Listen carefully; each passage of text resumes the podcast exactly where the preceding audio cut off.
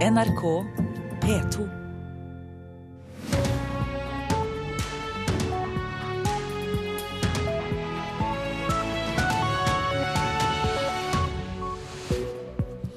Ja, fredag 23. mai er vi kommet til.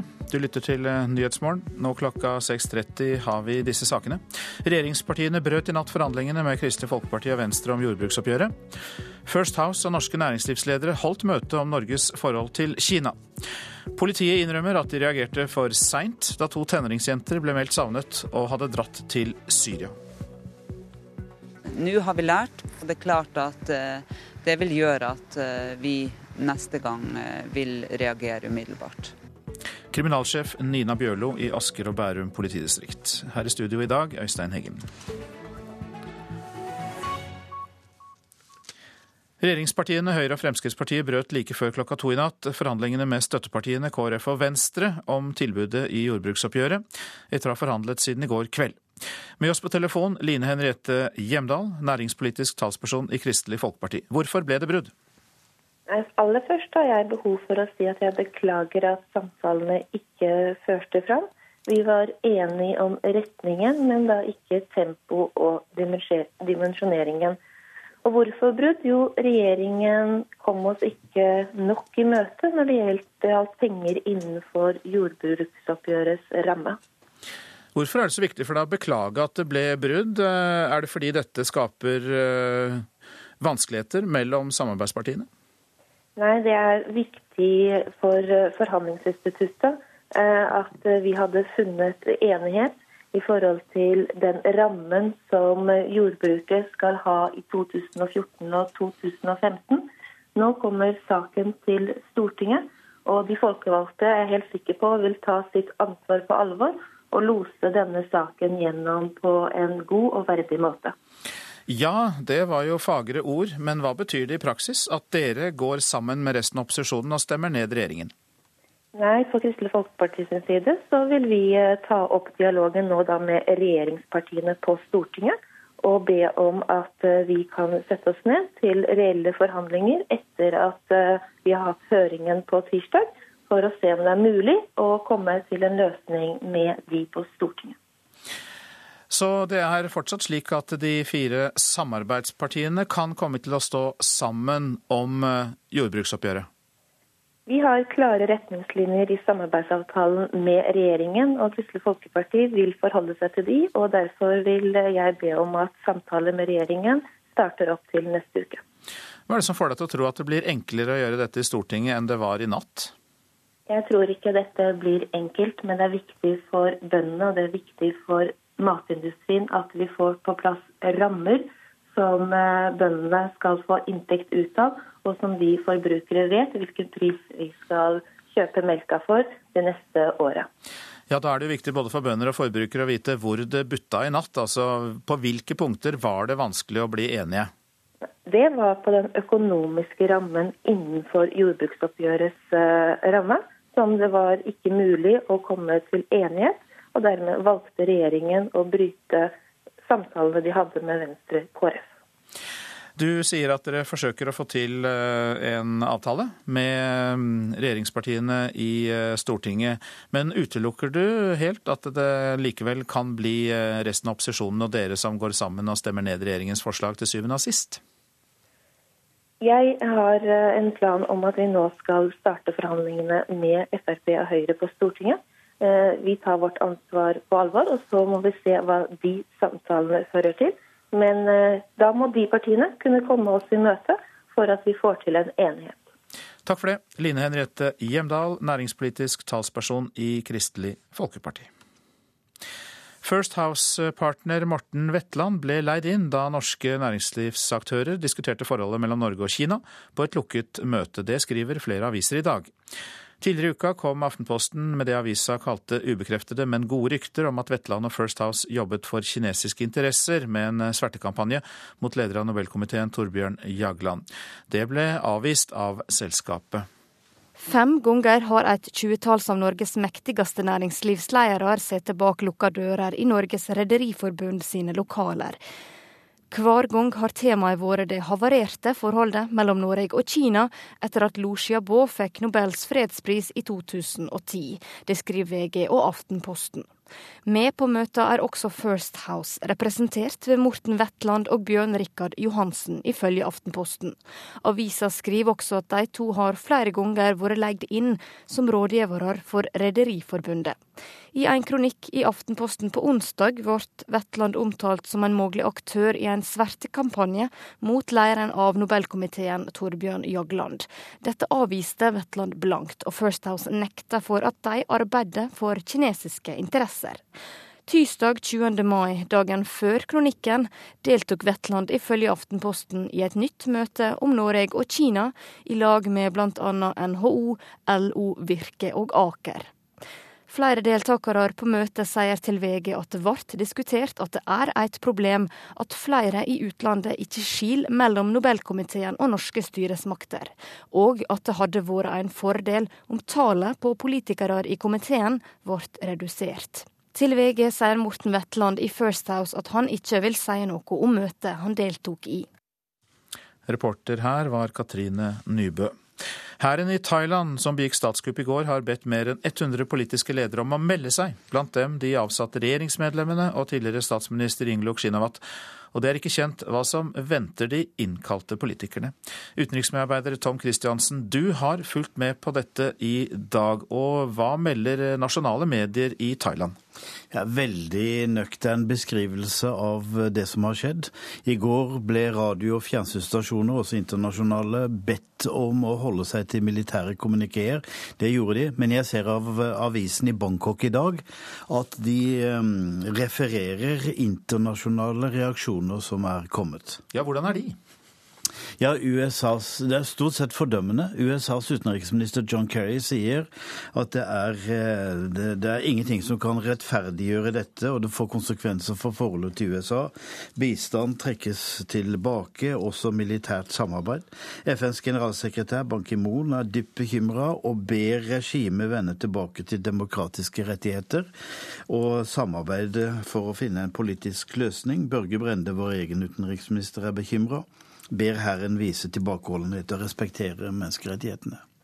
Men dette statskuppet, hvilke virkninger eh, får det for vanlige mennesker i Thailand? Ja, Først får det virkninger for de som ytrer seg kritisk på nettet. De vil bli blokkert. Hvordan de har tenkt å gjøre det, det er jeg ikke riktig sikker på. Eh, det er forbud mot større forsamlinger, større eh, enhver form for demonstrasjon. Det er portforbud om eh, natta. Altså, Det er åtte år siden forrige statskupp. Den gang var gatene fulle av militære kjøretøyer og soldater. Det er ikke tilfellet nå. Så langt på denne dagen, det er litt lenger framme, fem timer foran oss, så, så er det rolig, iallfall i Bangkok. Takk skal du ha, Tom Kristiansen, utenriksmedarbeider som følger med på situasjonen i Thailand for oss. Så til det avisene skriver om her hjemme. Norge er i krig med oss. Det sier en tildekket islamistkvinne til Dagbladet. Norsk-pakistaneren i 20-årene med dekknavnet Om Salahuddin vil innføre sharialover i Norge. Hun har hatt flere samtaler med nordmenn som kriger i Syria. Planen var at 15 somaliere skulle bosettes i Svelgen. Bygda var helt uforberedt på å få fire ganger flere, kan vi lese i Bergens Tidende. Familiegjenforeninger er årsaken til den kraftige økningen i den somaliske befolkningen i denne bygda i Bremanger i Sogn og Fjordane. Dagens Næringsliv forteller om kosmetikk- og helsekostmilliardæren som solgte livsverket Validus for 600 millioner kroner. Terje Stykke forteller at han etterpå er blitt nedringt av finansrådgivere, men sier at de bare er ute etter å stjele pengene hans. Sparer ikke på sammenslåinger av kommuner, sier forsker til Klassekampen. Forsker Dag Ingvar Jacobsen ved Universitetet i Agder mener at småkommunene allerede har tatt ut gevinsten gjennom interkommunalt samarbeid. Datoregel gjør boliger dyrere, skriver Bergensavisen. Private reguleringsplaner blir ugyldige etter fem år, og utbyggingsplaner må deretter gjennom ny og kostbar saksbehandling. Leder av kommunalkomiteen på Stortinget, André Njåstad fra Frp, vil fjerne datoregelen. Tommy Larsen ba naboene dempe festen. Det ble det siste 32-åringen fra Askim gjorde. Aftenposten har møtt datteren og enken som ikke forstår dommen mot gjerningsmannen som fikk sju gjerningsmennene som fikk sju måneders fengsel. Lagmannsretten fant ikke bevist hvilken handling som førte til at offeret døde. Byråkrater gjør opprør mot kommunalminister Jan Tore Sanner, kan vi lese i Dagsavisen. Arbeidet med nytt regjeringskvartal skaper strid, og tillitsvalgte mener de blir overkjørt og behandlet respektløst. Departementsråd Eivind Dale svarer til dette at de ansatte er informert underveis og vil bli involvert videre i arbeidet med nytt regjeringskvartal. Mamma var alltid redd, sier forfatter Anne B. Ragde til VG i dag. Ragde refser helsevesenet i en ny bok om morens kreftdrama.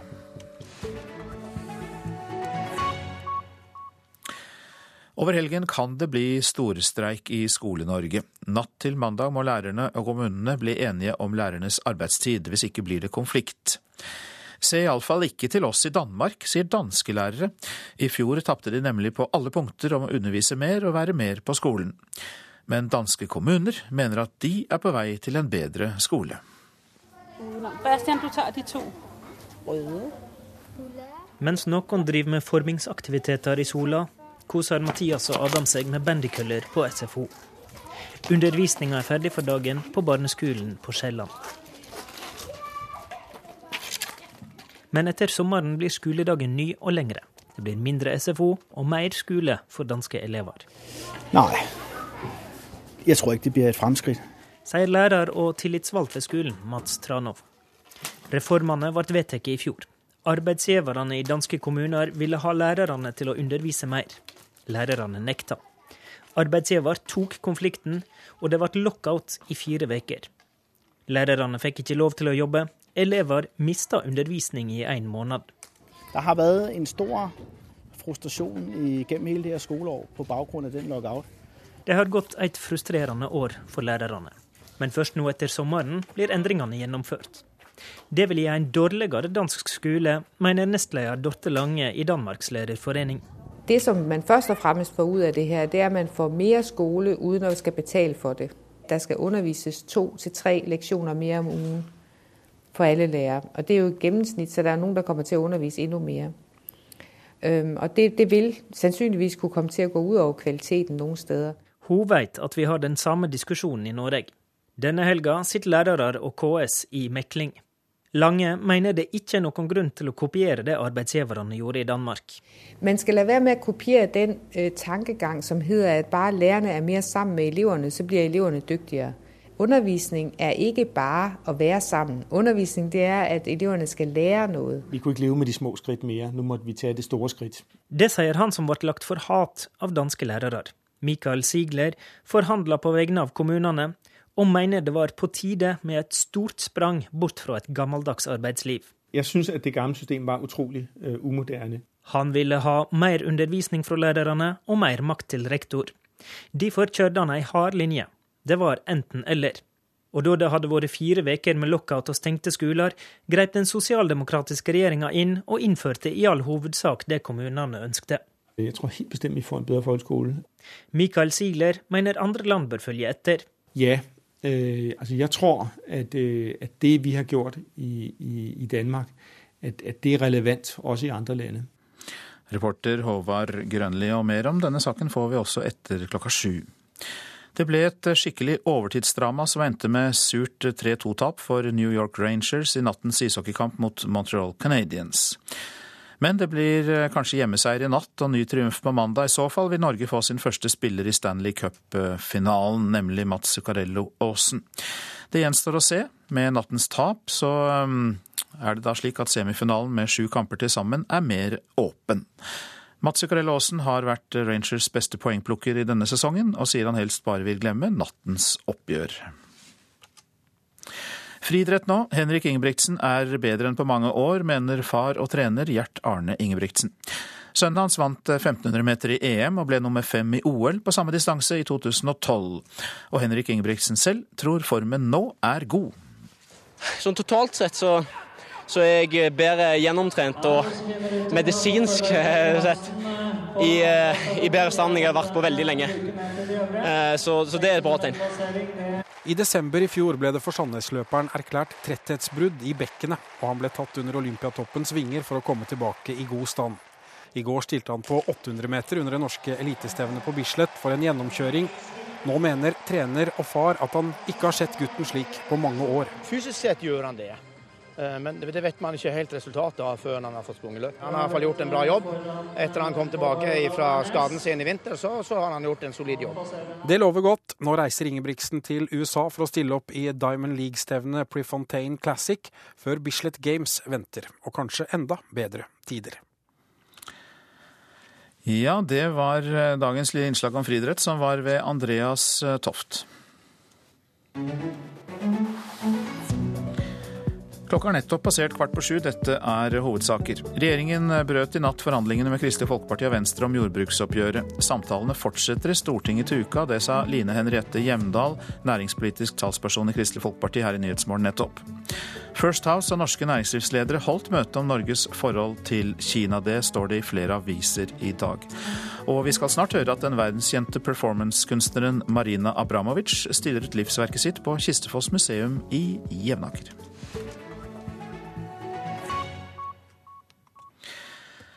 Politiet innrømmer at de reagerte for seint da to tenåringsjenter fra Bærum ble meldt savnet i oktober i fjor. Faren meldte fra om at døtrene hans trolig hadde reist til Syria, men det tok bortimot tolv timer før politiet startet etterforskning. Jentene er trolig fortsatt i Syria. Vi burde ha reagert raskere. Det sier kriminalsjef Nina Bjørlo i Asker og Bærum politidistrikt. Med den informasjonen vi sitter på i dag, så, eh, så, eh, burde vi kanskje iverksette eh, etterlysning umiddelbart. 17.10 i fjor, like før klokka ti om kvelden, meldte faren til to somalisk-norske jenter i Bærum fra til politiet. Jentene mine er borte. De har bare skrevet en e-post om at de har dratt til Syria for å delta i jihad, hellig krig. Men ingen flyplasser eller grenseoverganger ble varsla denne kvelden. Først på formiddagen etterpå blir faren avhørt, og politiet begynner å prøve å finne ut hva som har skjedd med jenten. Men eh, det skal sies at denne saken eh, er vel den første i sitt slag, der en mindreårig eh, velger å reise til et, eh, et utrygt land, i dette tilfellet Syria. Hva kunne dere gjort annerledes eller bedre i denne saken for, for raskere å få klarhet i hvor søstrene faktisk befant seg? Umiddelbart sett sette inn nødvendige tiltak, få en formell savnemelding fra far og etterlysning i forhold til eh, de antakelser man hadde at de var i ferd med å, å, å, ta seg ut av Norge og reise til et annet land. Politiet bør så fort som mulig skaffe seg grundige opplysninger når noen er meldt savna, sier privatetterforsker Oddleif Sveinungsen. Og så må man jo da foreta en vurdering om man må iverksette noe umiddelbart, eller om eh, man kan vente. Sveinungsen har over 20 års erfaring fra kriminalvakta i Oslo-politiet, der de får mange savna meldinger. Han sier at det er særlig viktig å reagere raskt når mindreårige er savna. Har det skjedd i løpet av de siste timene, og det foreligger ja, opplysninger om at uh, mindreårige og sånn, så, så må man jo iverksette tiltak. Hvor viktig er den initialfasen i en savnet sak? Ja, Den er særs viktig, for det er i initialfasen at eh, man henter flest mulig riktige opplysninger. Det er der man har de sentrale vitner. Det er der man har alle opplysninger som kan hjelpe saken til å få en god utgang. Jentene var 16 og 19 år gamle da de forsvant. Politiet tror de fortsatt er i Syria, men vet ikke hvordan det står til med dem. Men én ting vet politiinspektør Nina Bjørlo. Nå har vi lært, det er klart at eh, det vil gjøre at eh, vi neste gang eh, vil reagere umiddelbart. Reportere Kjartan Røslett og Farid Igoba. Mer på nrk.no. Nå om elever som lærer gjennom dataspill. Enki er et norskprodusert spill som sprer seg over hele landet nå. Elevene er så fornøyde at læringsspillet også blir brukt hjemme. Fjerdeklassingen Martin Tofsland i Skien, han er en av dem. Kjempelærerikt og morsomt. Hvorfor er det lærerikt? Fordi det er opp, masse oppgaver rundt omkring. F.eks. i en verden så er det engelsk, i en annen verden så er det matte, i en annen så er det samfunnsfag. I spillet lager elevene sin egen bruker som går rundt på forskjellige planeter. Her møter de på hverandre og må løse oppgaver, forteller gründer bak Enki, Steinar Aase. Det som er litt unikt med det her, er det at det er i utgangspunktet laga for skoler. Altså et multiplayerspill, men så har du da ved siden av et verktøy som læreren kan bruke og dra ut masse statistikk. Det er ganske nytt. Inger Lise Faremo, du er kontaktlærer ved Kjørbøkhøyda skole i Skien. Ja. Er du enig i at det er et godt uh, dataspill i skolen? Ja, elevene blir motivert med en gang vi sier at vi skal inn. Og de tror på en måte at de lurer oss. Det er en morsom tanke de har. De tror at de lurer oss med at um, de får lov til å spille dataspill på skolen. Og så tenker jo vi da kanskje at er vi også som greier da å lure inn litt fordi at det er såpass mye fag. Og det er veldig mye fag. Og så har du oversikt over hvordan elevene gjør det, hver enkelt. Mm -hmm. Og det er jo et kjempeverktøy for meg, å se hva de får til og eh, altså hvor de strever. Enki rulles nå ut på skoler i Oslo, Akershus, Buskerud, Østfold, Telemark og Agder. Fra før så er Gyldendals spill Salaby og mattespillet Dragonbox populært på mange skoler i Norge. Vibeke Guttormsgård, som er rådgiver i Senter for IKT i utdanningen, sier at dataspill i skolen øker veldig. Vi kommer i hvert fall i kontakt med flere og flere skoler som, som ser potensialet i å bruke dataspill. Hva mener dere er positivt med bruk av dataspill i skolen? Det er noe de er trygge på og behersker, og dermed er det veldig godt å kombinere det med, med noe som er nytt. Så er det veldig motiverende. Det, det vet vi jo med spill. at Du vil jo kunne få elever som egentlig ikke har lyst til å legge fra seg skolearbeidet, som har lyst til å sitte utover friminuttene eller ta med seg arbeidet hjem. Spiller du det hjemme også, eller? Ja. Når jeg ikke kan spille på dataen, så spiller jeg på iPaden. Spiller ikke barn nok dataspill i hverdagen som, som det er?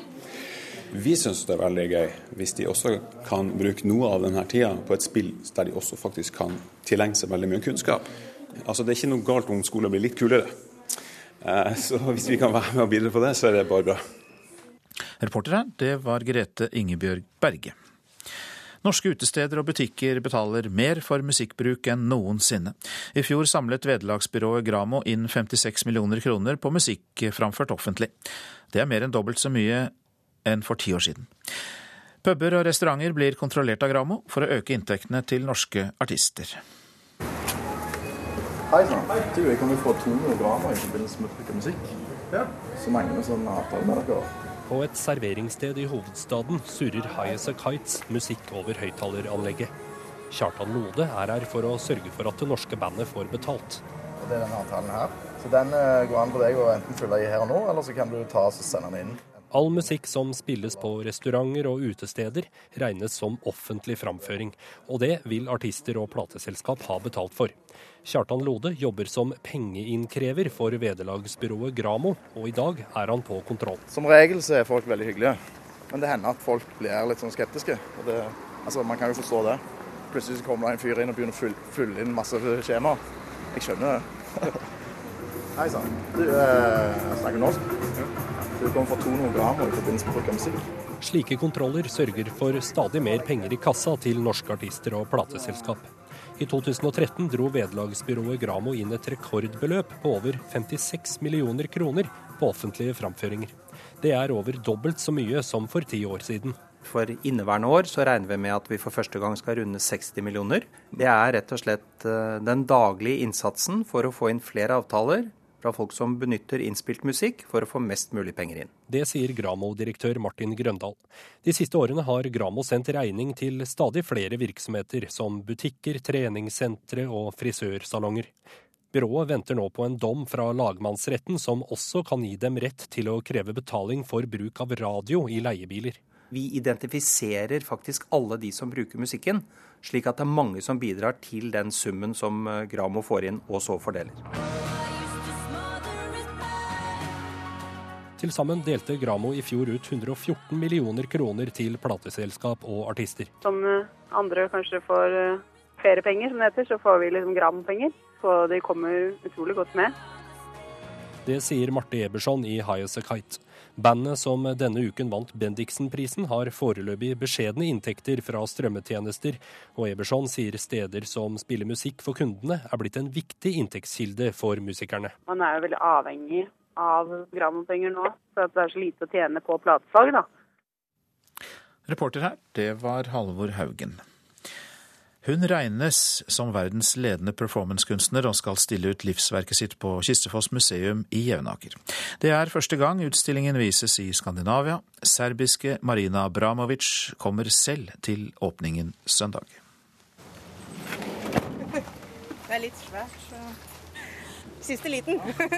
Sjølve hovedverket i utstillinga bæres inn i utstillingslokalene på Kistefoss museum i Jevnaker. Utstillingskoordinator Hege Elisabeth Johnsen sier at aldri før har Kistefoss hatt en så krevende utstilling. Det er mye tekniske detaljer. Ehm, så er det jo, Vi har jo verk fra USA. Og det er jo det å få det over og organisere alt det. Så ehm, det er, det, det er ganske mange smådetaljer som må på plass. Perfekt, Nadine. Takk skal du ha. Du gjør en utmerket jobb. Skulpturene i parken skal skinne under søndagens åpning, og administrerende direktør Egil Eide ser til at alt er i rute. Vi føler at dette blir en bra åpning, eh, ikke minst i år når vi har eh, et kjent navn som Marina Abramovic. 67 år gamle Marina Abramovic regnes som verdens ledende samtidskunstner. Hun ble i fjor også kåra til en av verdens 100 mest innflytelsesrike personer. Utstillinga er en oversikt over alt hun har gjort gjennom sitt liv som performancekunstner fra 70-tallet og fram til nå. I Norge er hun nok mest kjent etter at hun fikk 270 personer til å skrike gjennom ei ramme i Ekebergåsen. Hva betyr det å få en kunstner av hennes format hit? Det, det, det, er helt avgjørende. Men nå skal du si det at det er, det er jo en uttalt strategi fra Kistfoss at vi skal ha kunstnere på det nivået. Så, så, sånn sett så innfrir vi våre målsetninger, men det er ikke til å legge skjul på at det tiltrekker mange mennesker. og Vi er jo opptatt av at et stort publikum skal få ta del i dette. Så for oss så eh, er dette helt i henhold til det vi ønsker at det skal være. Og vi tror at Norge, jeg vil velge å si det, Norge syns det er stas at vi kan ha den type kunstnere. Du er litt fornøyd? Ja, vi er stolt, er vi. Vi er stolt og vi er fornøyd. Skal jeg finne bowlingplass, eller? Ja, nå er det jo sånn program der, da. Der er det på plass? Ja. Endelig. det er sterke virkemidler. Abramovic jobber i skjæringspunktet mellom liv og død, med egen kropp som instrument.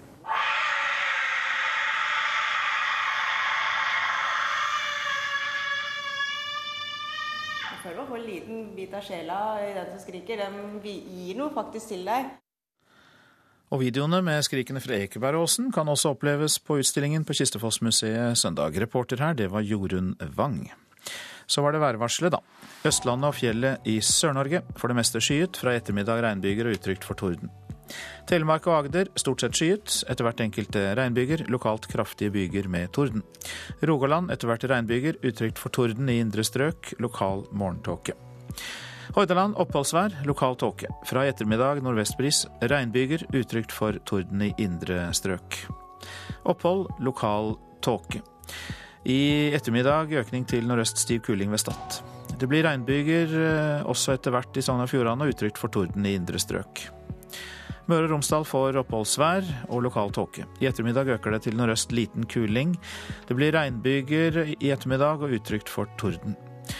Trøndelag får eh, oppholdsvær. Det blir lokal tåke. I ettermiddag eh, så blir det etter hvert lokal, lokale regnbyger og utrygt for torden.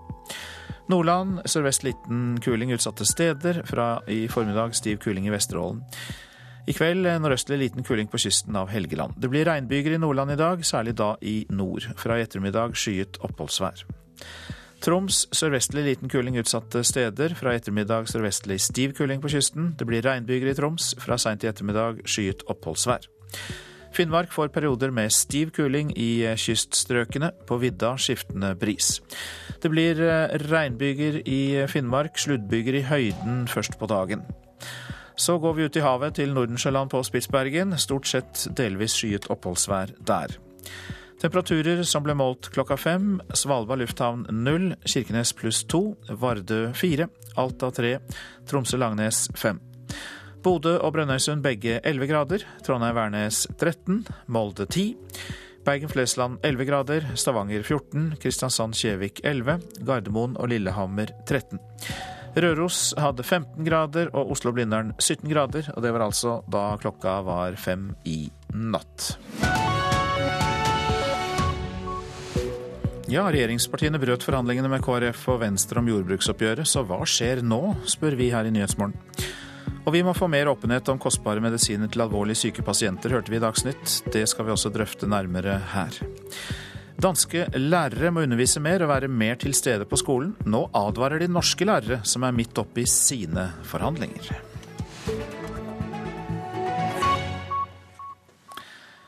Regjeringspartiene Høyre og Fremskrittspartiet brøt like før klokka to i natt forhandlingene med støttepartiene KrF og Venstre om tilbudet i jordbruksoppgjøret, etter å ha forhandlet siden i går kveld. Næringspolitisk talsvinn i KrF, Line Henriette Hjemdal, er skuffet. Jeg beklager at samtalene ikke førte fram. Vi var enige om retningen, men da ikke tempo og dimensjoneringen. Og hvorfor brudd? Jo, regjeringen kom oss ikke nok i møte når det gjaldt penger innenfor jordbruksoppgjørets ramme. I går gjorde Arbeiderpartiets stortingsgruppe det klart at de ikke kan støtte Sylvi Listhaug og regjeringen i årets jordbruksoppgjør. Dermed er Listhaug avhengig av KrF og Venstre for å få vedtatt proposisjonen som skal legges fram for Stortinget. Den støtten har hun foreløpig ikke, for etter å ha forhandlet i fem timer i natt, brøt regjeringspartiene forhandlingene med KrF og Venstre. Nå vil Hjemdal ha nye samtaler med Høyre og Frp i Stortinget.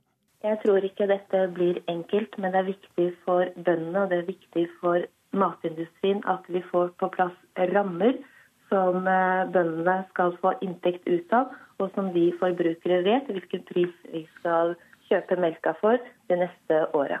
Du sier at dere forsøker å få til eh, en avtale med mm, regjeringspartiene i eh, Stortinget. Men utelukker du helt at det likevel kan bli eh, resten av opposisjonen og dere som går sammen og stemmer ned regjeringens forslag til syvende og sist? Jeg har en plan om at vi nå skal starte forhandlingene med Frp og Høyre på Stortinget. Vi tar vårt ansvar på alvor, og så må vi se hva de samtalene fører til. Men eh, da må de partiene kunne komme oss i møte for at vi får til en enighet. Den vi hørte der, var næringspolitisk talsvinner KrF, Line Henriette Hjemdal. Og ingen fra regjeringen har så langt villet kommentere saken. Reporter Ulf Tannes Fjell.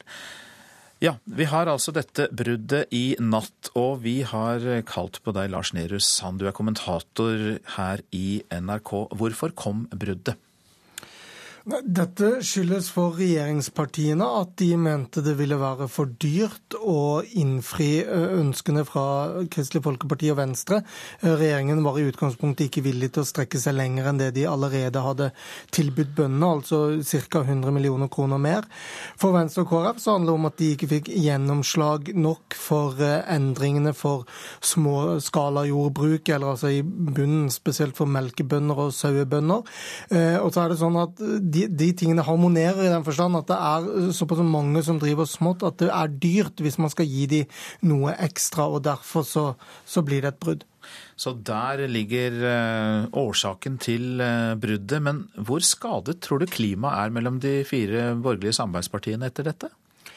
Dette bærer sitt preg av at regjeringen, først og fremst eh, landbruksministeren, men også statsministeren som har latt dette skje, i svært liten grad har prøvd å forankre eh, noe politikk med, eh, med, de to småpartiene på Stortinget, eller samarbeidspartiene, før nå.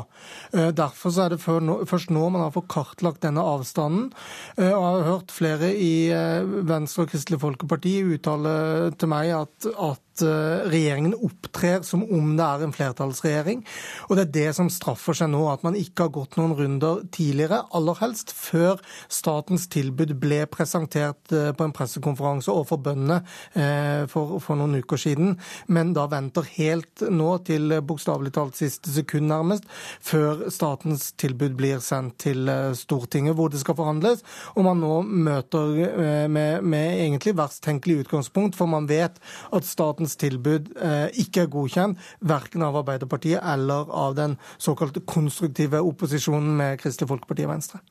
Men er kompromissmulighetene uttømt da, mellom regjeringspartiene og mellompartiene, eller samarbeidspartiene? Nei, hadde det vært helt utdømt, så hadde nok regjeringen stansa hele proposisjonen og ikke behandlet eh, jordbruksoppgjøret i statsråd i dag. Det skjer ikke. Det som skjer, er at, eh, at man da sender tilbudet til Stortinget for en behandling der.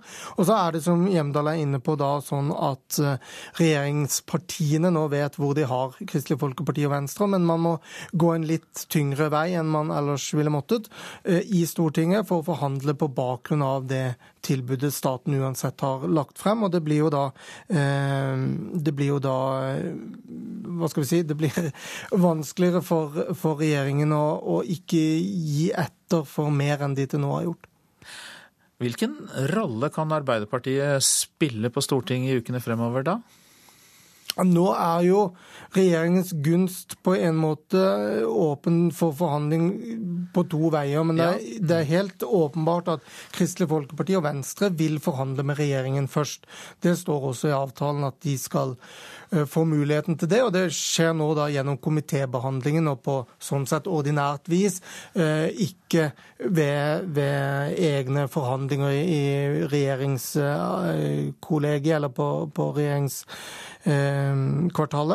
Så det som nå skjer, er at eh, de fire partiene setter seg ned igjen, kanskje noen nye ansikter, og, og forhandler i Stortinget. Takk skal du ha i denne omgang, Lars Nehru Sand, som altså kommenterte landbruksoppgjøret for oss her i eh, Nyhetsmorgen. Det bør være full åpenhet rundt diskusjonen om bruk av nye og kostbare medisiner til alvorlig syke pasienter. Det mener en av Norges fremste krefteksperter, som kritiserer at beslutningene fortsatt skjer i lukkede møter.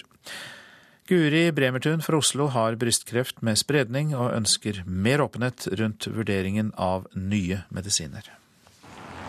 Ja, det, det at det må vurdere kostnader mot effekt, det har jeg full forståelse for. Men det viktigste må jo være at, eh, at pasientene får best mulig behandling. Denne uka ble det avgjort i et lukket møte at en ny livsforlengende medisin mot brystkreft og en medisin mot prostatakreft ikke skal tas inn i helsevesenet.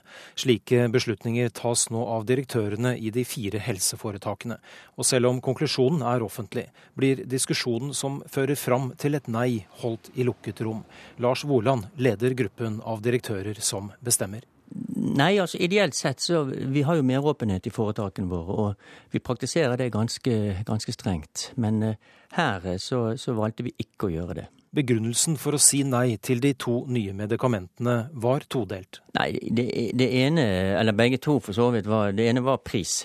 Uh, det var for dyrt i forhold til effekten, men der skal vi gå i forhandlinger, da. Og det andre var hvor dokumentasjonen var veldig tynn. Altså faglig dokumentasjon var tynn.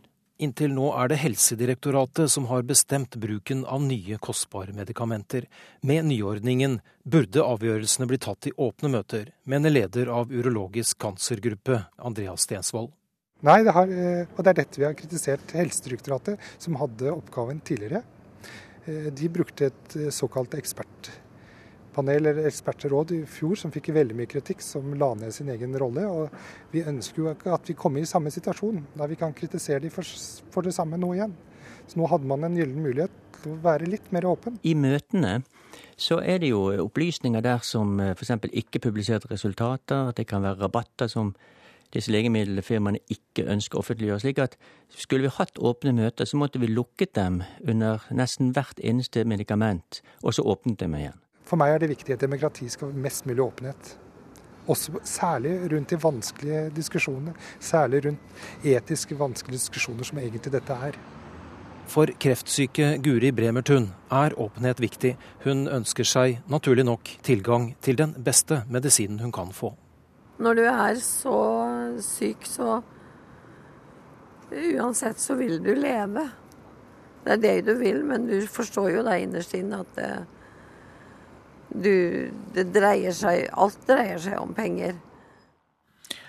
Det sa Guri Bremertun til slutt der. Reporter var Lars Håkon Pedersen. Helsepolitisk talsmann i Arbeiderpartiet, Torgeir Micaelsen, du er med oss fra Drammen, og god morgen til deg. God morgen, ja. Dette er åpenbart et vanskelig dilemma. Hva mener du om denne diskusjonen?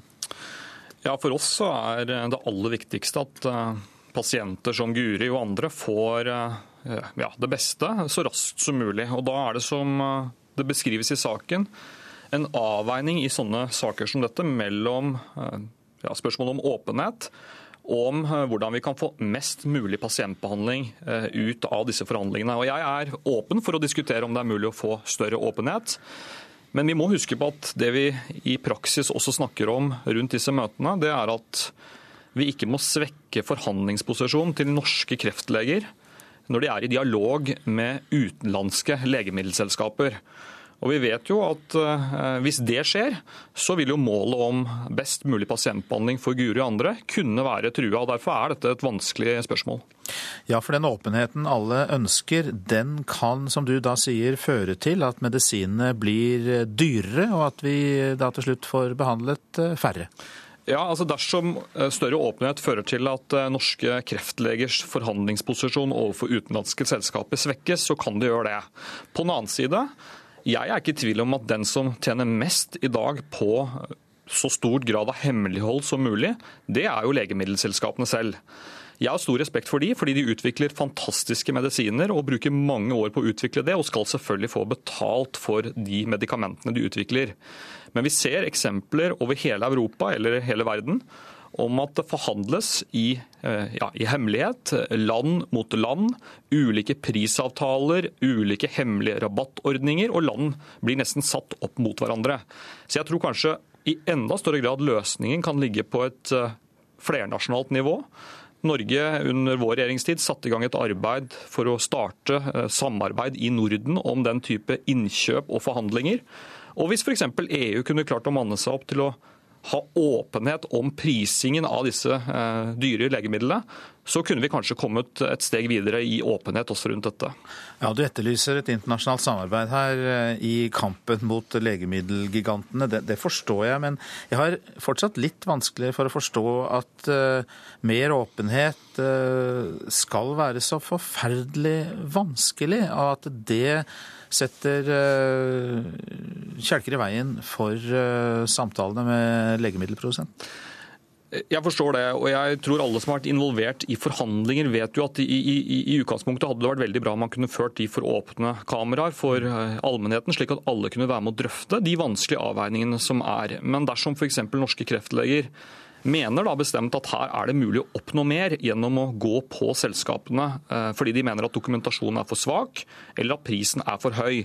Så kan det, i teorien i hvert fall, svekke de mulighetene til å oppnå at pasientene får tilgang på disse medisinene til en anstendig pris, dersom dette skal føres eh, ja, eh, i full åpenhet. Men som sagt, jeg syns dette er et vanskelig spørsmål, og jeg er åpen for å diskutere dersom folk har forslag til hvordan man kan føre disse diskusjonene, vanskelige avveiningene, med større åpenhet enn i dag. Torgeir Micaelsen, takk skal du ha. Du er helsepolitisk talsmann i Arbeiderpartiet og var med oss fra studio i Drammen. Der passerte klokka 7.16. Vi har disse hovedsakene i dag. Regjeringspartiene brøt i natt forhandlingene med Kristelig Folkeparti og Venstre om jordbruksoppgjøret. Nå kommer KrF og Venstre til å legge fram sine egne jordbruksforslag i Stortinget.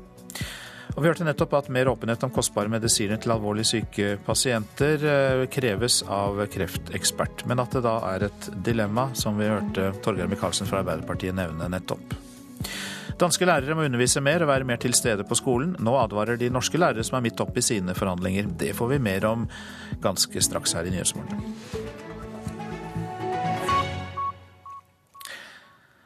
Først til Thailand, for landet våknet til sin første dag med militærjunta ved roret. Det er kommet fordømmelser av kuppet fra hele verden, men regimet sier de skal etablere ro og orden. Vår korrespondent i Asia, Anders Magnus, du er nettopp kommet til Bangkok. og Er det rolig i Thailand nå? Her i Bangkok er det i hvert fall veldig rolig. Det er eh, veldig lite soldater å se i gatene. Det virker som de har trukket tilbake det, de få de hadde i går også. Eh, trafikken og hverdagslivet går som normalt. Eh, det som er veldig unormalt her, er eh, fjernsynet. Her ser vi bare plakater fra de militære sendingene. Den, de militæres egen kanal er det som eh, sendes over alle de andre nettverkene. Så eh, pressefriheten er definitivt ikke til stede lenger i Thailand. Men eh, hverdagslivet og forretningslivet går som normalt enn så lenge. Men det er altså en nærmest unormal mediesituasjon i landet for tiden? Ja, absolutt. Det er jo streng sensur. og Vi merker også at telefonnettet er dårlig, internettet er dårlig. Myndighetene, De nye myndighetene, altså juntaen, har sagt at de vil prøve å begrense sosiale medier for å hindre at det kommer kritikk mot dem selv. Eh, så eh, det er klart at de forventer eh, at de som, har, de som har støttet den avsatte regjeringen, kommer til å samle seg og vil prøve å forhindre at de klarer å arrangere demonstrasjoner. Mer enn 100 politikere er blitt bedt om å melde seg ved en militærleir i Bangkok. Jeg er ikke så sikker på om jeg ville gjort det hvis jeg var politiker i Thailand. Hva tror du om dette? Det er veldig stor usikkerhet, eh, særlig om eh, tidligere statsminister Inglak Shinawat eh, kommer til å møte. Noen rykter går ut på at hun har forlatt Thailand, andre sier hun er i Chiang Mai, som er hovedbasen for hennes tilhengere. Vi får vente og se i løpet av dagen, men det er i hvert fall en del politikere som, er, som har kommet. Det, vil si, det var de som ble arrestert i går, de som var og forhandlet. Men nå vil altså eh, militæret ha tak i eh, svært mange andre politikere, og også medlemmer av eh, Inglak og Taksin Shinawat sin familie. Hvordan dette kommer til å spille seg ut, får vi se utover dagen. Takk skal du ha, Anders Magnus, vår korrespondent, som nettopp da har ankommet Bangkok. Over helgen kan det bli skole-storstreik i Skole-Norge, for natt til mandag må lærerne og kommunene bli enige om lærernes arbeidstid. Hvis ikke blir det altså konflikt. Se iallfall ikke til Danmark, sier danske lærere. I fjor tapte de på alle punkter om å undervise mer og være mer på skolen. Men danske kommuner mener at de er på vei til en bedre skole. Etter sommeren blir skoledagen ny og lengre. Det blir mindre SFO og mer skole for danske elever. Jeg tror ikke det blir et fremskritt. sier lærer og tillitsvalgt ved skolen, Mats Tranov. Reformene ble vedtatt i fjor. Arbeidsgiverne i danske kommuner ville ha lærerne til å undervise mer. Lærerne nekta. Arbeidsgiver tok konflikten, og det ble lockout i fire uker. Det har vært en stor frustrasjon gjennom hele det skoleåret på bakgrunn av den lockout. Det har gått et frustrerende år for lærerne. Men først nå etter sommeren blir endringene gjennomført. Det vil gi en dårligere dansk skole, mener nestleder Dorte Lange i Danmarks lærerforening. Hun vet at vi har den samme diskusjonen i Norge. Man skal la være med å kopiere den eh, tankegang som heter at bare lærerne er mer sammen med elevene, så blir elevene dyktigere. Det som man først og fremst får ut av det her, det er at man får mer skole uten å skal betale for det. Mikael Sigler forhandler på vegne av kommunene, og mener det var på tide med et stort sprang bort fra et gammeldags arbeidsliv det var noen meget rigide arbeidstidsregler som jo innskrenket lederens ledelsesrom. Sigler mener andre land bør følge etter. Ja, øh, altså jeg tror at det vi har gjort i Danmark, at, at det er relevant også i andre land. Reporter i Danmark, det var øh, Håvard Grønli. Kristine Nergård, god morgen til deg. God morgen. Du jobber ved forskningsstiftelsen Fafo, og vi har bedt deg komme for å vurdere akkurat dette. For hvor sannsynlig er det at vi kan få en konflikt lik den dansken hadde? Eh, det at vi får en lockout, og en så stor lockout som det man hadde i Danmark, det er veldig lite sannsynlig. Norske arbeidsgivere i offentlig sektor har aldri gått til lockout av sine ansatte. Så lockout ble da brukt i Danmark som et eh, veldig sterkt maktmiddel for å tvinge gjennom at lærerne skulle jobbe mer og være mer på skolen? Ja, det var jo veldig kontroversielt også i Danmark, dette her. Og, men systemet i Danmark er litt annerledes enn i Norge. slik at eh, når man da fikk et regjeringsinngrep, på samme måte som når det blir vedtak med tvungen lønnsnemnd i Norge, så ble dette da overlevert til i siste instans Folketinget i Danmark, som rett og slett vedtok en lov som da fratok eh, danske lærere de opprinnelige eh, arbeidstidsavtalene. Og Noe sånt kan vi ikke se for oss skjer her. Nettopp. Men så til oppgjøret her hjemme, da. Kan det likevel bli slik at det er arbeidstiden, striden om den, som velter dette oppgjøret? Eh, det kan vi nok se for oss. Altså Hvis arbeidstid blir satt på spissen i det norske lønnsoppgjøret, så tror jeg vi da kan vi se for oss en konflikt, fordi dette her har vært veldig kontroversielt også i Norge. Men nå ser det jo ut som det er forhandlingsvilje også på det området. Hvordan eh, ser arbeidslivsavtalen ut i Danmark sammenlignet med det som foreslås for norske lærere? Er det noe likhetstrekk der? Nå vet vi jo ikke helt hva som foreslås her, men likhetstrekkene er jo større styringsrett til arbeidsgiver. Ja, og det vil si den eh, enkelte rektor eller den enkelte kommune? Og begge deler, altså, men i hvert fall den enkelte rektor. Så hvordan vurderer du mulighetene for at denne meklingen, som jo er veldig spennende i skolesektoren i år, eh, kan komme i mål uten konflikt? Altså, jeg tror det er forhandlingsvilje på begge sider. og Så langt har jo lønnsoppgjøret gått veldig bra. Men det er klart, her er det snublesteiner. Det går an å Altså, her, her kan det bli konflikter. Eh, vi har jo tre lønnsoppgjør. Oslo kommune, KS og staten. Og vi har fire arbeidstakerparter i hvert område. Sånn at eh, det er absolutt konfliktmuligheter her. Du nevnte dette med styringsretten av eh, arbeidstiden. Hvordan oppfatter du behovet hos arbeidsgiveren for å få mer styringsrett? Står det øverst på dagsordenen, er det inntrykket du har? Det, hvis vi så på diskusjonen, i hvert fall før påske, så sto det veldig høyt oppe. Så ser det nå ut som om man har gått litt i retning av at uh, kan du si, I hvert fall har vært mindre store bokstaver brukt av begge parter. Men uh, at arbeidsgiver fortsatt ønsker uh, større mulighet til å inngå lokale avtaler og mindre um, mulighet for at disse her skal bli stoppa av eh, fagforeningene, det tror jeg fortsatt er et tema i lønnsoppgjøret. Ja, Store bokstaver som blir mindre etter hvert man går inn i forhandlinger, kan jo være en fordel når man nærmer seg forhandlingsfrist. Kristine, det, det er det absolutt. Hjertelig takk for at du kom, Kristine Nergård ved forskningsstiftelsen eh, Så tar vi med en melding om at First House-partner Morten Wetland var leid inn da norske næringslivsaktører denne uken diskuterte forholdet mellom Norge og Kina på et lukket møte. Det skriver flere aviser. Tidligere i uka kom Aftenposten med det avisen kalte ubekreftede, men gode rykter om at Wetland og First House jobbet for kinesiske interesser, med en svertekampanje mot leder for Nobelkomiteen, Torbjørn Jagland. Dette ble avvist av selskapet. Formålet med det lukkede Kina-møtet var ifølge VG å bygge opp igjen forholdet mellom Norge og Kina, som har vært på frysepunktet siden fredsprisen gikk til en kinesisk regimekritiker, som vi vet, i 2010. Så til mer om det avisene skriver i dag. Norge er i krig med oss, sier en tildekket islamistkvinne til Dagbladet. Norsk-pakistaneren i 20-årene med dekknavnet Om Salahudeen vil innføre sharialover i Norge, og hun har hatt flere samtaler med nordmenn som kriger i Syria. Planen var at 15 somaliere skulle bosette seg i Svelgen. Bygda var helt uforberedt på å få fire ganger flere, kan vi lese i Bergenstidene. Familiegjenforeninger er årsaken til den kraftige økningen i den somaliske befolkningen i denne bygda Bremanger i Sogn og Fjordane. Dagens Næringsliv forteller om kosmetikk- og helsekostmilliardæren som solgte livsverket Validus for 600 millioner kroner. Terje Stykke heter han, og forteller at han etterpå ble nedringt av finansrådgivere, men sier at eh, de bare var ute etter å stjele pengene hans.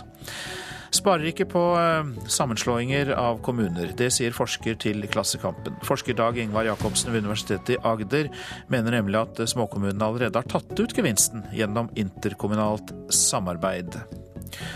Tommy Larsen ba naboene dempe festen. Det ble det siste 32-åringen fra Askim gjorde.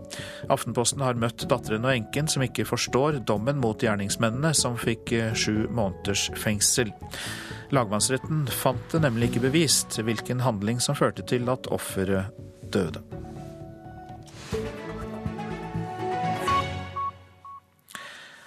På oppfordring fra Helsedirektoratet har politiet, kommunen og utelivsbransjen i Stavanger inngått et samarbeid om å få folk til å drikke mindre alkohol på utestedene i sentrum i helgene.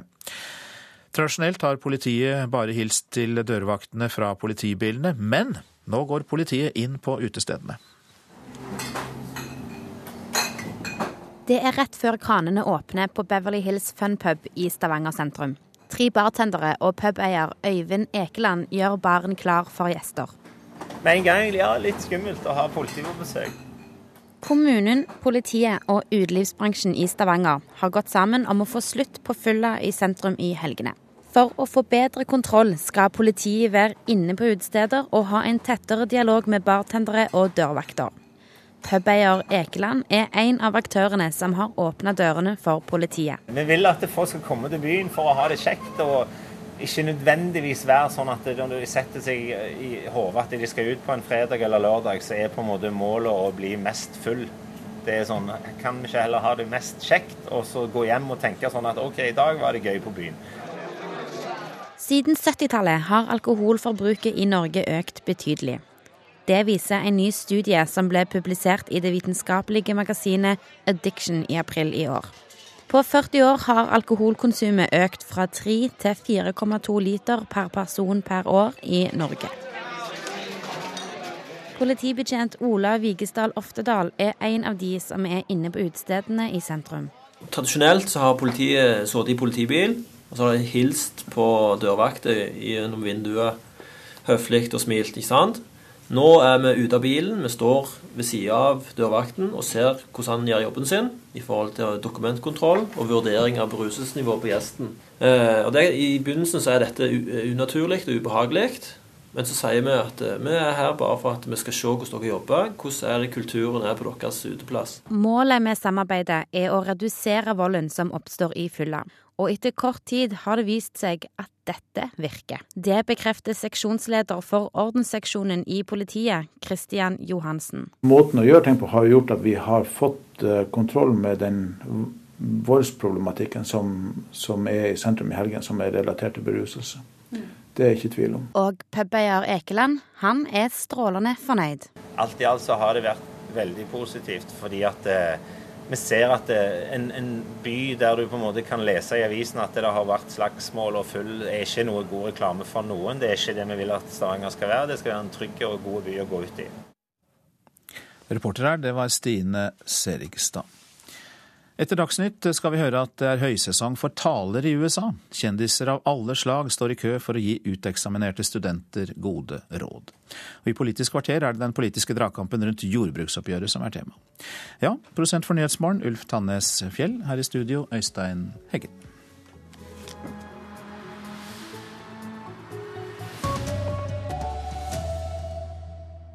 Jordbruksoppgjøret ble for vanskelig å enes om. Regjeringa sa i natt nei til støttepartiene sitt krav om 250 millioner ekstra til bøndene. PR-byrået First House har deltatt på en rekke lukka møter om Norge og Kina. Og pasienter får nei til ny og dyr medisin, men ingen får vite hvorfor norsk helsevesen setter ned foten for enkelte legemiddel. God morgen, her er NRK Dagsnytt klokka sju. 30. KrF og Venstre beklager at regjeringspartiene i natt brøt forhandlingene om jordbruksoppgjøret.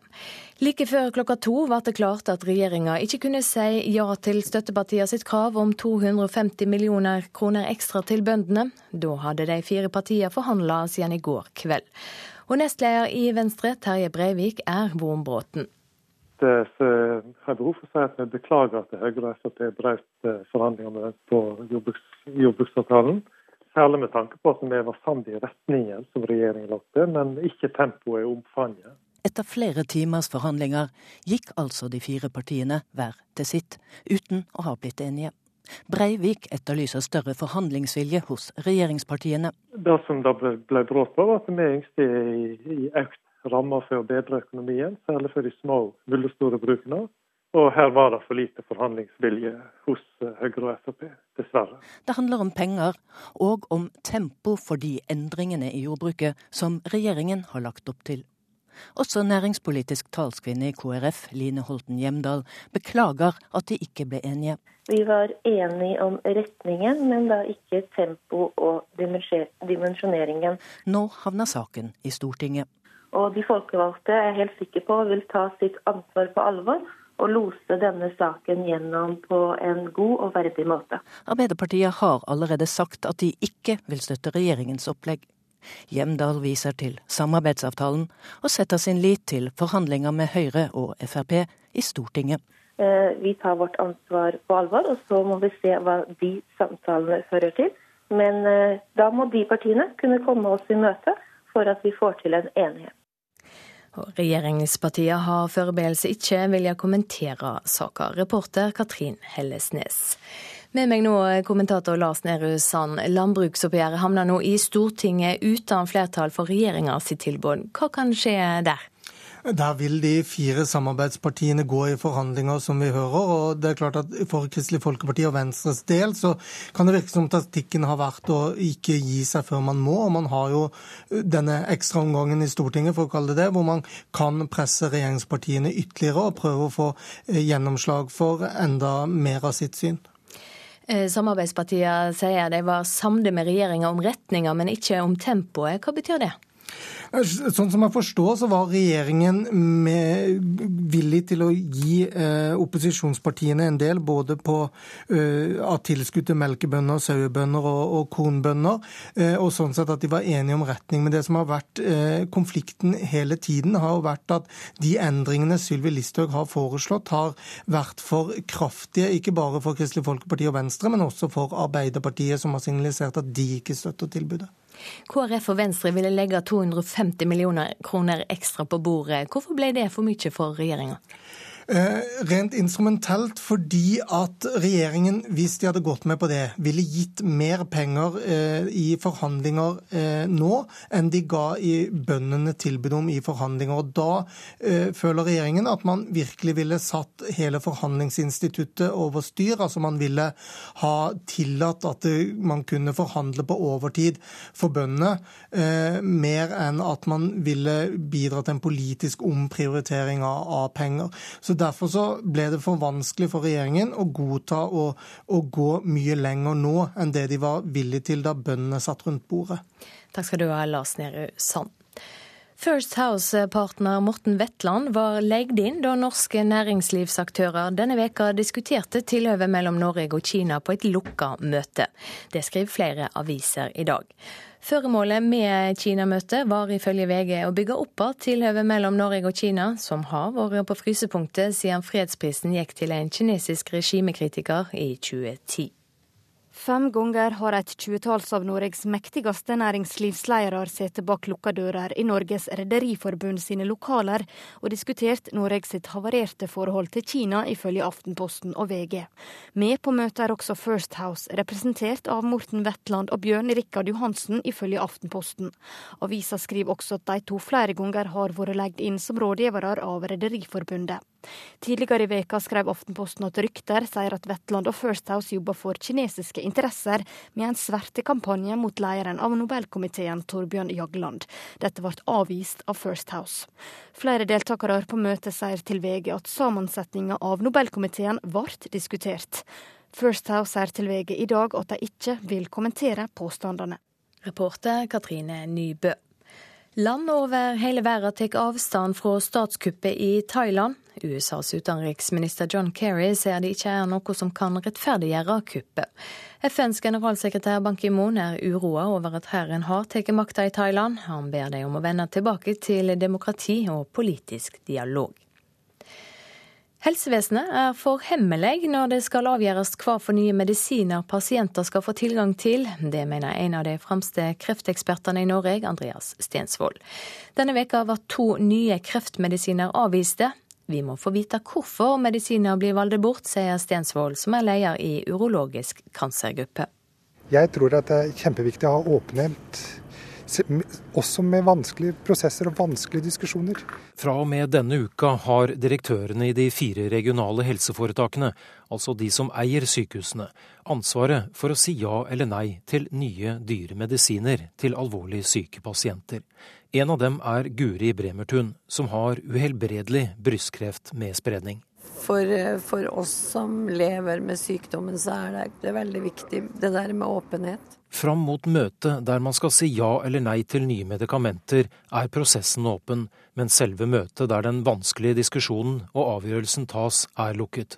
Årsaken er hensynet til sensitiv informasjon, sier leder av Beslutningsforumet, Lars Vorland, som er direktør for Helse Nord. I møtene så er det jo opplysninger der som eh, f.eks. ikke publiserte resultater, det kan være rabatter som disse legemiddelfirmaene ikke ønsker å offentliggjøre. slik at skulle vi hatt åpne møter, så måtte vi lukket dem under nesten hvert eneste medikament, og så åpnet dem igjen. Vi har jo meråpenhet i foretakene våre, og vi praktiserer det ganske, ganske strengt. Men eh, her eh, så, så valgte vi ikke å gjøre det. Og Det er dette vi har kritisert Helsedirektoratet, som hadde oppgaven tidligere. Så nå hadde man en gyllen mulighet til å være litt mer åpen. Andreas Stensvold til reporter Lars Håkon Pedersen. Over helga kan det bli storstreik i Skole-Norge. Natt til mandag må lærerne og kommunene bli samlet om lærernes arbeidstid. Hvis ikke blir det konflikt. Danske lærere advarer norsk skolesektor mot å hente inspirasjon der. Etter at de i fjor tapte ballepunkt, må de nå undervise mer og være mer til stede på skolen. Samtidig mener danske kommuner at de er på vei mot en bedre skole. Bastian, du tar de to.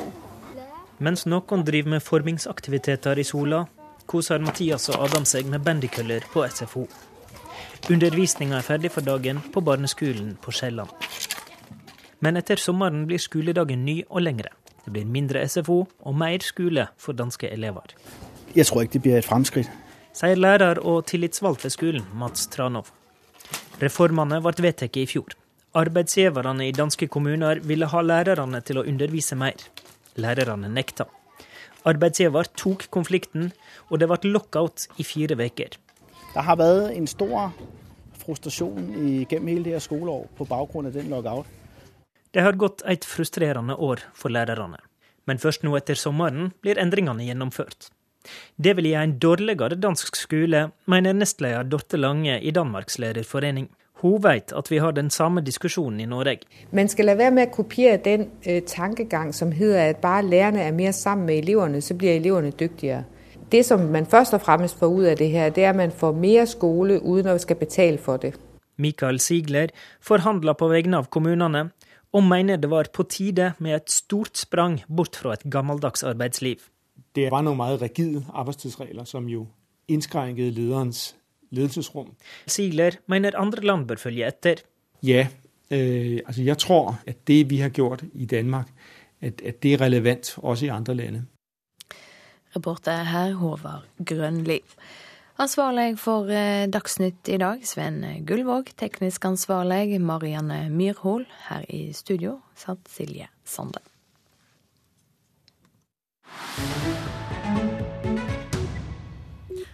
Nyhetsmorgen skal til USA, for der er det høysesong for taler om dagen. Kjendiser av alle slag står nemlig i kø for å gi uteksaminerte studenter gode råd for framtida. Det forteller utenriksmedarbeider Wenche Eriksen.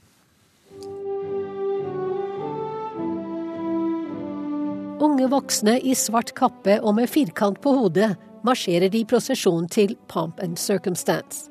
Du har sett dem i amerikanske filmer og TV-serier mange ganger. Det er et kjært vårritual som dyrkes i et land der de ikke er redde for å heie fram den som har fått til noe. En høytidelig og tradisjonsrik måte å si good job til den som har fullført en utdannelse, og for å ønske dem lykke til på veien videre. Commencement heter det, starten på en ny fase i livet. Og hovedtalen som holdes til avgangsstudentene, er blitt en institusjon i seg selv. Hello, For et universitet kan det selvsagt ikke bli bedre enn å få USAs president som hovedtaler. Det garanterer mediedekning, og forhåpentligvis også økte økonomiske bidrag til lærestedet. Barack Obama holder tre slike commencement speeches denne våren, men er slett ikke alene om å bedrive slikt. Og det er ikke bare politikere som benytter anledningen til å framstå som vise menn og kvinner som kan øse av sin livserfaring. Kjendiser fra underholdning og sport er minst like ettertraktet, og sannsynligvis morsommere også. So. På Wake Forest-universitetet i Nord-Carolina lo de også av den nylig avsatte redaktøren i The New York Times.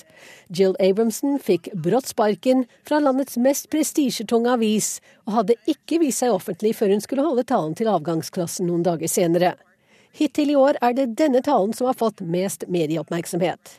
Budskapet var Reis deg opp igjen etter motgang, og vis hva du er god for. And now I'm talking to anyone who's been dumped.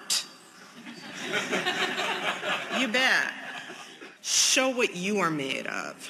Og så er det kjendisene som skaper overskrifter fordi invitasjonen til å holde commencement-taler blir trukket tilbake. I år er det tidligere utenriksminister Condoleezza Rice som er blant de uninvited, de uinviterte, på grunn av sin rolle under Irak-krigen. Studentene ved Rutgers-universitetet i New Jersey protesterte med en god gammeldags sit-in mot hennes deltakelse. Og ved Smith College i Massachusetts sa de nei til å ta imot IMF-sjef Christine Lagarde, med den begrunnelse at pengefondet stiller for strenge krav til fattige land. Det har igjen ført til en debatt om ytringsfrihetens kår blant de unge. Andre lurer kanskje på om en del av flosklene som brukes i slike taler, er vel mye ytringsfrihet. Her er en liten knippe signert Dolly Parton, Meryl Streep, J.K. Rowlings or Oprah Winfrey. If I had but one wish for you, it would be for you to dream more. There's only change and resistance to it, and then more change. We have the power to imagine better. Always do the right thing. Truth be told, uh, I never graduated from college. Noe helt annet var det da den kreftsyke Apple-gründeren Steve Jobs talte på Stanford-universitetet i 2005. Din tid er tilmålt, ikke kast den bort ved å leve andres liv. Ikke la støyen av andres meninger overdøve din indre stemme. Og viktigst av alt, ha mot til å følge ditt hjerte og intuisjon, sa han i det som regnes som en av de beste commencement-talene som er holdt som han avsluttet slik. Stay hungry, stay foolish. Thank you all very much.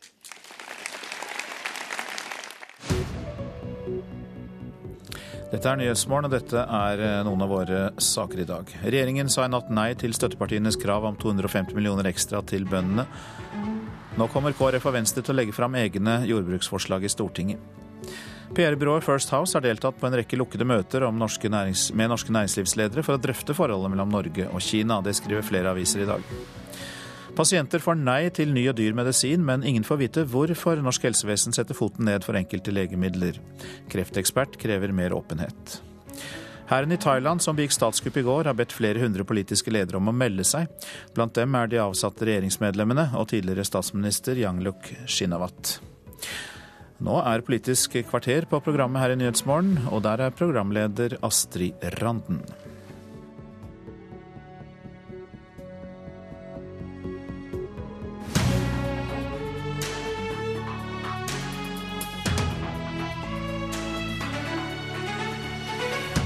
Forhandlingene om jordbruksoppgjøret stranda seint i natt. Regjeringa braut med KrF og Venstre.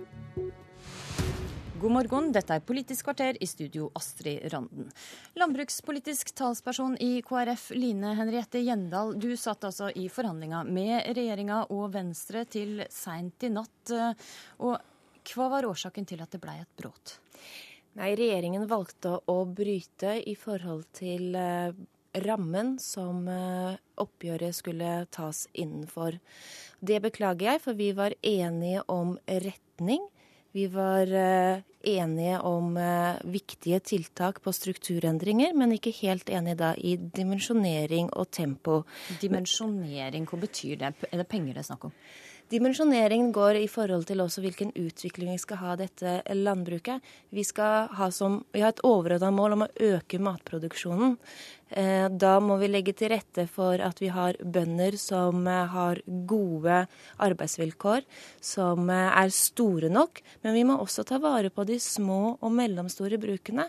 Det er altså sånn at en gjennomsnittlig ku, melkebonde, er har 25 kyr. Det er ut fra de ressursgrunnlaget den har på sin gård. Det må vi ta vare på. Så må vi ta vare på sauebonden, som har et gjennomsnitt på 50 sauer i Hordaland f.eks. Det er viktig at vi legger til rette for det. Det har vi kommet langt på eh, når det gjaldt eh, de samtalene vi hadde med regjeringen. Men de kom oss altså ikke nok i møter når det gjaldt penger innenfor jordbruksoppgjørets ramme. Ja, Hvor mye sto det på? Hva var deres krav, og hva var det de kunne godta? Vi hadde et krav om at vi skulle ha 250 millioner kroner. Det vil si at det var samme ramme som det er i 2014. Eh, det kom ikke regjeringa oss i møte på nok.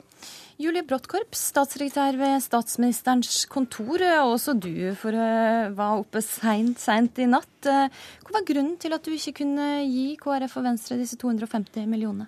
Altså det, det, vi har vært veldig opptatt av, i, både når det gjelder tilbudet og mens vi har forhandlet med KrF og Venstre, det er tre mål for landbruket. Det ene er at bøndene skal ha samme inntektsutvikling som andre grupper i samfunnet.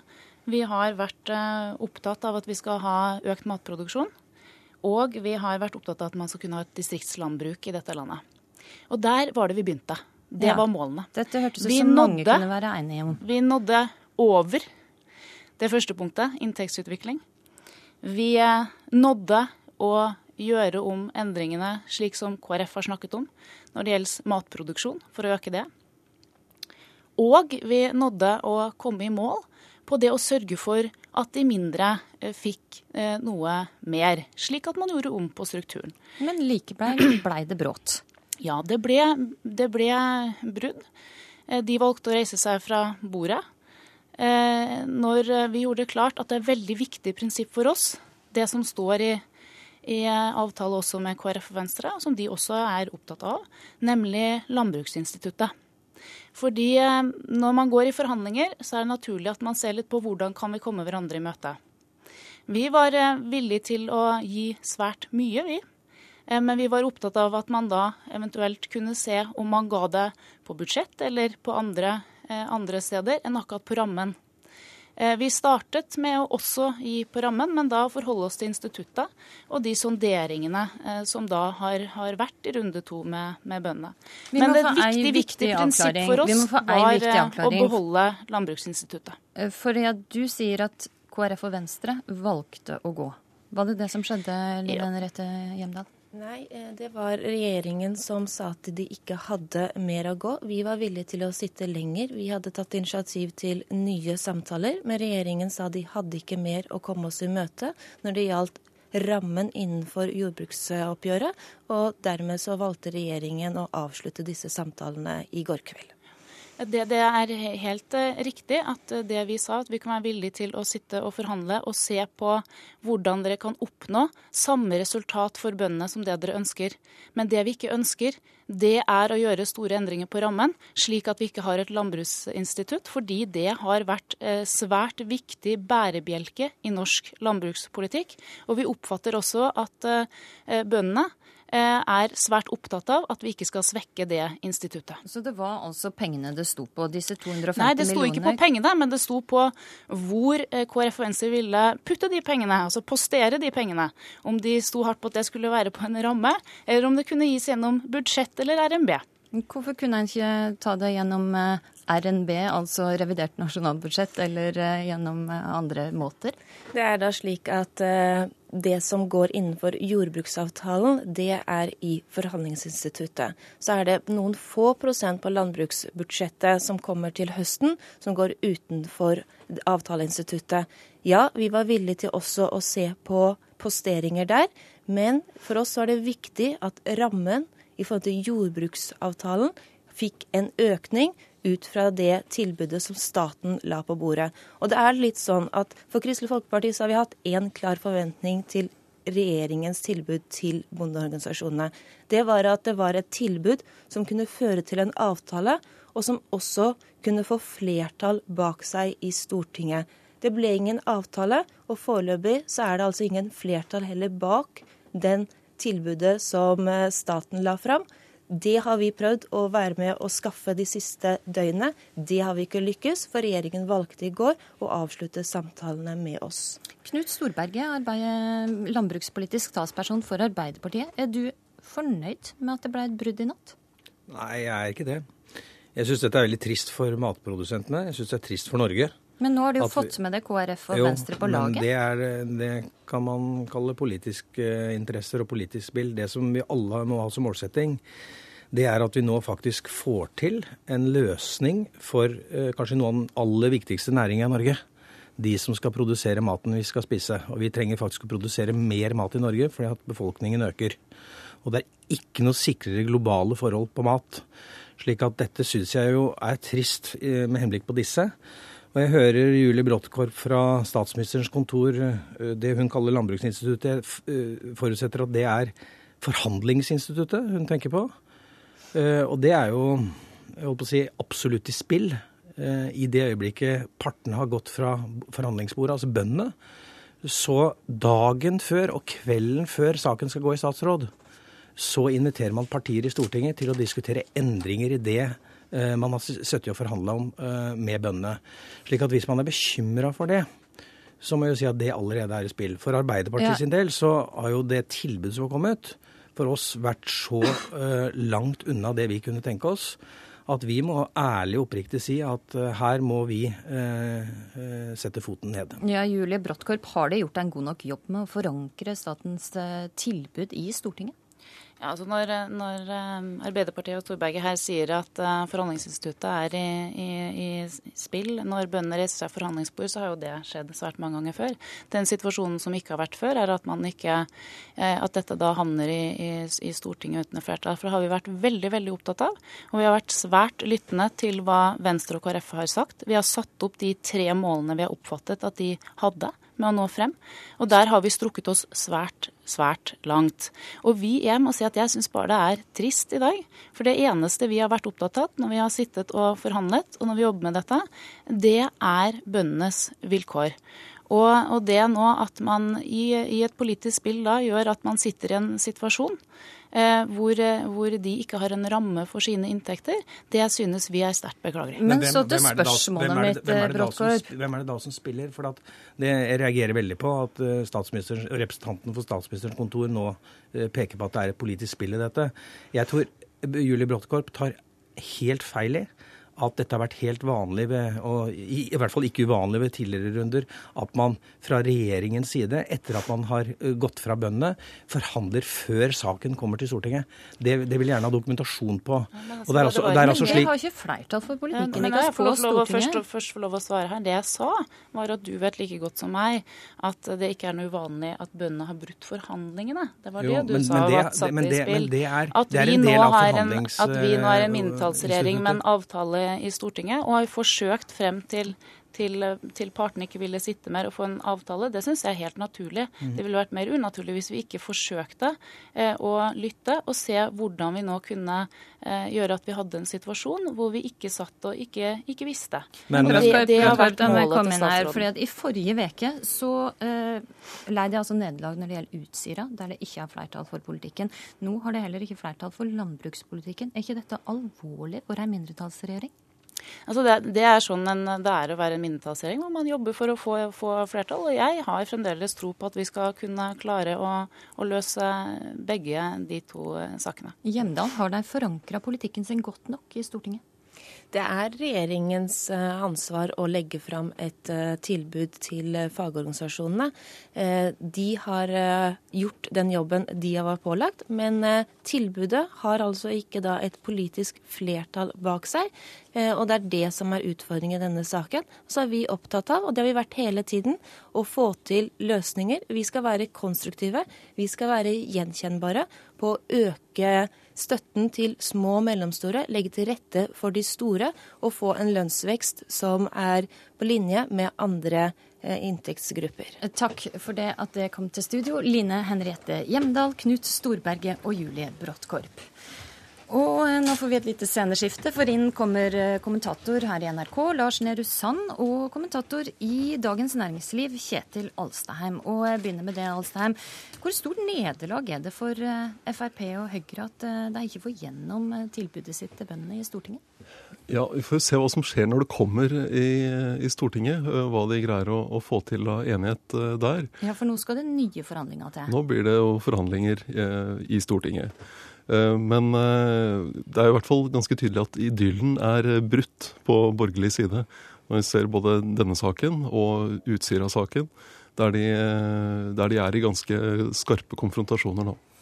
Lars Nehru Sand, hva veit du mer om hva som var årsaken til dette bråtet?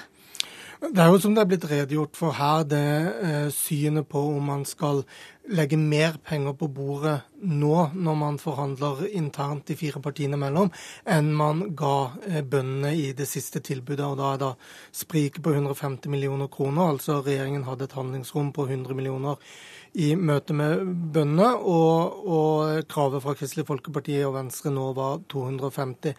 Eh, så vidt jeg forstår, så var viljen til å forhandle på det som har blitt kalt innretningen, eller strukturen. Altså hvor mye man eh, gir fordeler til store bønder, og hvor mye man fortsatt vil, vil begunstige eh, små og mellomstore. Der har regjeringen vært villig til å flytte seg. Men altså så det eh, Kristelig Folkeparti og Venstre har ønsket å få gjennomslag på i, i bunnen, altså til små og mellomstore bruk, har vært så kostbart at det spiser eh, så mye mer av, eh, av, handlingsrommet at regjeringen ikke var villig til å sette det de mener da vil være å sette eh, instituttet over styr ved å, ved å gi inntrykk av at det finnes mer penger i en ny Eh, ekstraomgang av forhandlingene, for å kalle det. Et naivt spørsmål, kanskje. Hvem sin skyld var det at det ble brutt? Den skylda tror jeg partene må dele når, når kravene blir stilt og, og, innfridd eller ikke innfridd. Men det er klart at for Venstre og Kristelig Folkeparti så er det jo fortsatt håp i det hengende snøret, i den forstand at de skal fortsette å forhandle, fortsette å presse og, og kreve, holdt jeg på å si, i, i Stortinget. Mens, mens, regjeringen har satt opp en ganske solid kile for hvor langt de er villige til å strekke seg. Så de forhandlingene som er i Stortinget, så, så lever i hvert fall håpet på Kristelig Folkeparti og Venstres eh, side. Mm. Alstein, hva er grunnen til at regjeringa havna i denne situasjonen? Er de ikke flinke nok til å forankre politikken sin i Stortinget? Eh, nei, jeg, du kan begynne å lure på det. Eh, om, om, det er eh, både dette landbruksoppgjøret og saken med, om elektrifisering eh, av Utsira-installasjonene på Utsirahøyden, så virker det som om de snakker dårlig med Venstre og KrF eh, på forhånd nå lå det jo Vi visste jo fra før at eh, landbrukspolitikk og klimapolitikk er to områder der, eh, der det er spenninger mellom, eh, mellom regjeringspartiene og, og, støttepartiene på Stortinget. Men da er det jo ekstra viktig at de greier å, å få til en dialog og et samarbeid og bygge opp en tillit at statsråden gjør det. Og når det gjelder ansvaret for, for et brudd, så er det klart det ligger eh, et ekstra ansvar hos regjeringen. For det er den som, som faktisk skal prøve å, i denne saken å få gjennom et eh, jordbruksoppgjør. Der må jeg si takk til deg, Kjetil Bragli Alstein og Lars Nehru Sand.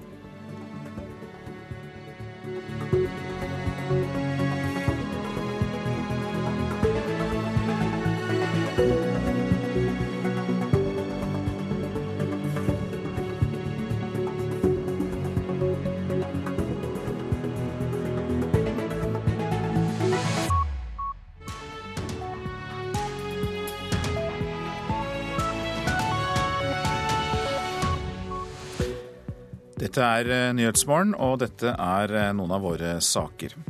Hvem gikk fra forhandlingene om jordbruksoppgjøret? Også det er regjeringen og støttepartiene uenige om. Politikerne i Thailand blir bedt om å melde seg for militærstyret. Og hjelp kommer til flomofrene i Bosnia. I kveld kjører den første lastebilen sørover fra Norge. Vi åpner med situasjonen i Thailand, for der våknet folk til sin første dag med militærstyre. Det er kommet fordømmelser av kuppet fra hele verden, men regimet sier de kun skal etablere ro og eh, orden. Og her eh, rapporterer Anders Magnus, vi snakket med han eh, litt før sending. Det er veldig lite soldater å se i gatene. Det virker som de har trukket tilbake de få de hadde i går også. Trafikken og hverdagslivet går som normalt. Det som er veldig unormalt her, er eh, fjernsynet. Her ser vi bare plakater fra de militære sendingene. Den, de militæres egen kanal er det som eh, sendes over alle de andre nettverkene. Så eh, pressefriheten er definitivt ikke til stede lenger i Thailand. Men hverdagslivet og forretningslivet går som normalt enn så lenge. Men det er altså en nærmest unormal mediesituasjon i landet for tiden? Ja, absolutt. Det er jo streng sensur. og vi merker også at telefonnettet er dårlig, internettet er dårlig. Myndighetene, De nye myndighetene, altså junta, har sagt at de vil eh, prøve å begrense sosiale medier for å hindre at det kommer kritikk mot dem selv. Eh, Så eh, det er klart at de forventer eh, at de som, har, de som har støttet den avsatte regjeringen, kommer til å samle seg og vil prøve å forhindre at de klarer å arrangere demonstrasjoner. Mer enn eh, 100 politikere er blitt bedt om å melde seg ved en militærleir i Bangkok. Hva tror du om dette? Eh, Vi får vente og se i løpet av dagen, men eh, det er i hvert fall en del politikere som, er, eh, som har kommet. Det, vil si, det var de som ble arrestert i går, de som var og forhandlet. Men nå vil altså militæret ha tak i svært mange andre politikere, og også medlemmer av Inglak og Taksin Shinawat sin familie. Hvordan dette kommer til å spille seg ut, får vi se utover dagen. Ja, Det var Asia-korrespondent Anders Magnus som rapporterte fra Bangkok. En tidligere Asia-korrespondent er kommet til studio. Philip Lote, god morgen til deg. God morgen, god morgen. La oss gripe fatt i det siste som ble sagt her. Den tidligere statsministeren og hele den avsatte regjeringen er bedt om å melde seg for mili- militærregimet. Har det skjedd? Eh, Det vi ser nå, jeg har lest på Twitter faktisk, eh, apropos sensuren av internett, som ikke alltid er like effektiv, eh, at Yinglak Yingluck Shinawat har meldt seg. Hun kom i en skuddsikker bil eh, sammen med sine rådgivere, eh, var inne i et kort møte med militæret. og eh, Vi har jo ikke dette 100% bekreftet, men skal ha dratt igjen. Flere andre politikere har også møtt opp, i tillegg til de som ble deternert i går etter forhandlingene. eh, og Det var da fra begge parter eh, av den politiske konflikten i Thailand. Og det som er eh, ganske sikkert, er at militæret har bedt 155 ledende thailendere, både politikere og andre samfunnsaktører, om ikke å forlate landet. Dette for å eh, holde ro og orden og skape grunnlag for ro og orden, som militæret ønsker å fremstille dette her. Det høres- litt skummelt ut at man skal melde seg for de militære, men altså er det et ledd i hele dette arbeidet med å skape ro, da, som du sier?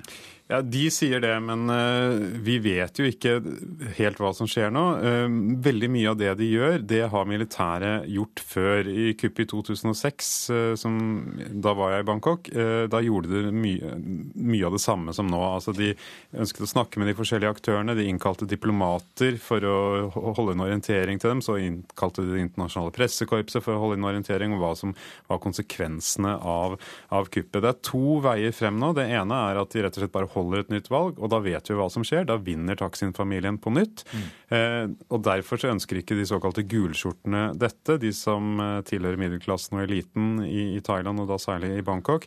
De ønsker å ha et eh, sett med reformer før det blir eh, gjennomholdt nytt valg, som da skal sikre deres interesser.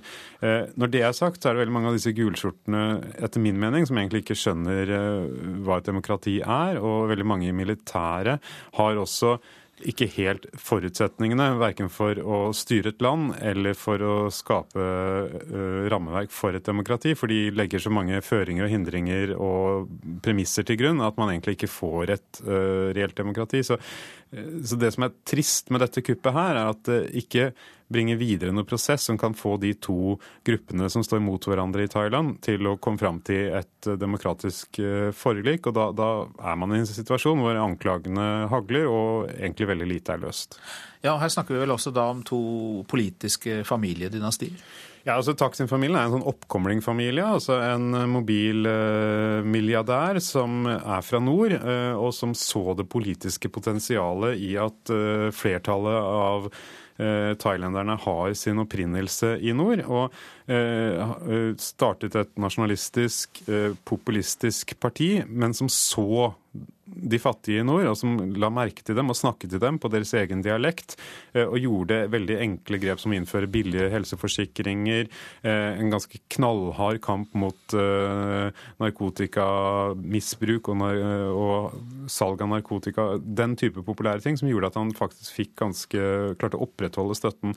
Men først og fremst så handler det om at han så dem. altså Eliten i Bangkok har aldri sett det numeriske fattige flertallet, men det har Taksin-familien klart, mens middelklassen og eliten i Bangkok eh, egentlig ikke ønsker å se dem. Mange takk i denne omgang, Philip Lote, tidligere Asia-korrespondent og utenriksmedarbeider her hos oss i eh, NRK. Det var eh, KrF og Venstre som gikk, gikk fra bordet i forhandlingene om jordbruksoppgjøret. Det sier statssekretær Julie Brodtkorp ved statsministerens kontor. Det er feil, svarer KrF. Etter flere timers samtale ble det brudd i forhandlingene mellom regjeringspartiene og de to støttepartiene i natt. Regjeringen hadde tre mål, sa Bråttkorp i Politisk kvarter i dag. Det ene er at eh, bøndene skal ha samme inntektsutvikling som eh, andre grupper i samfunnet. Vi har vært eh, opptatt av at vi skal ha økt matproduksjon. Og vi har vært opptatt av at man skal kunne ha et distriktslandbruk i dette landet. Vi nådde over det første punktet, inntektsutvikling. Vi nådde å gjøre om endringene slik som KrF har snakket om når det gjelder matproduksjon, for å øke det. Og vi nådde å komme i mål på det å sørge for at de mindre eh, fikk eh, noe mer, slik at man gjorde om på strukturen. Men likevel blei det brått? Ja, det ble, det ble brudd. Eh, de valgte å reise seg fra bordet når vi gjorde det klart at det er veldig viktig prinsipp for oss, det som står i, i avtale også med KrF og Venstre, som de også er opptatt av, nemlig Landbruksinstituttet. Både Venstre og KrF har beklaget bruddet og sagt at det var regjeringspartiene som brøt forhandlingene. Næringspolitisk talskvinne i KrF, Henriette Holten Hjemdal, reagerer kraftig på uttalelsen fra Brodkorp.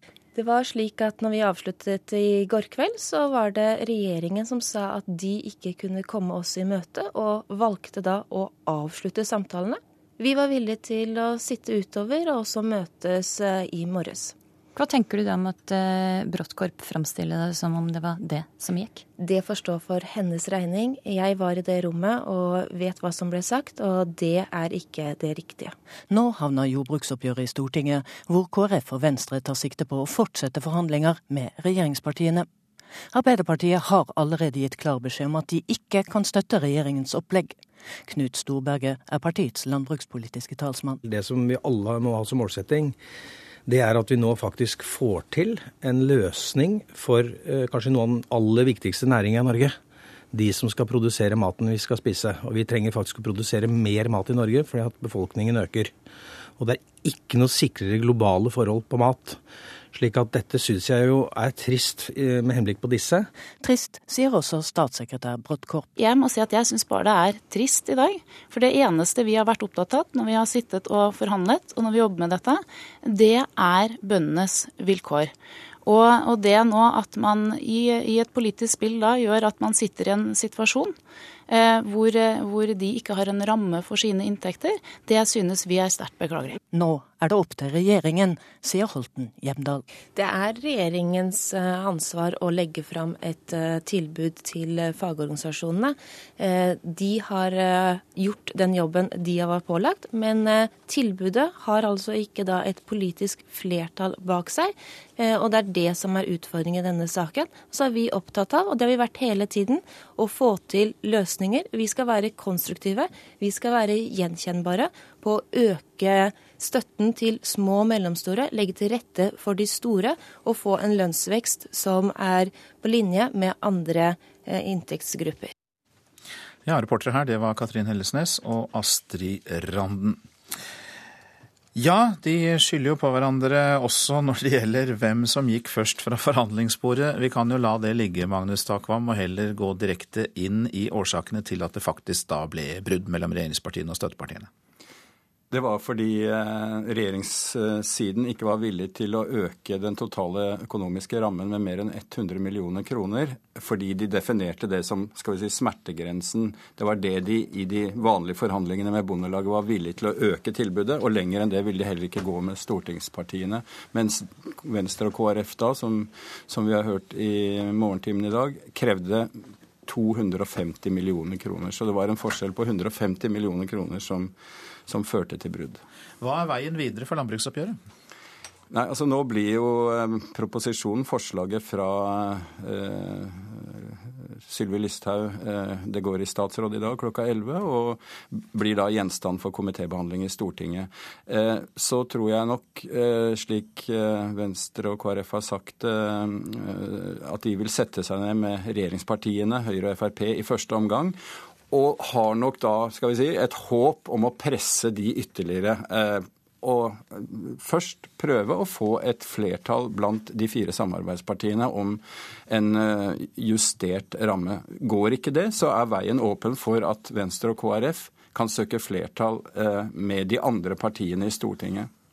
Og, og, da, og, da, blir det veldig lett. Da kan man lett se for seg at f.eks. Arbeiderpartiet vil kreve enda større eh, tillegg enn det Venstre og KrF har krevd. slik at da, da har man en situasjon som, som blir eh, krevende for, for, regjeringen, selvfølgelig. Ja, Det virker veldig åpent på meg, for at nå skal eh, de forhandle videre, samarbeidspartiene, de fire der det åpenbart da kanskje er kompromissmuligheter fortsatt. Eller de går sammen med resten av opposisjonen, KrF og Venstre, for å finne en løsning. Men er det også en tredje mulighet her? At regjeringen kan gå sammen med Arbeiderpartiet?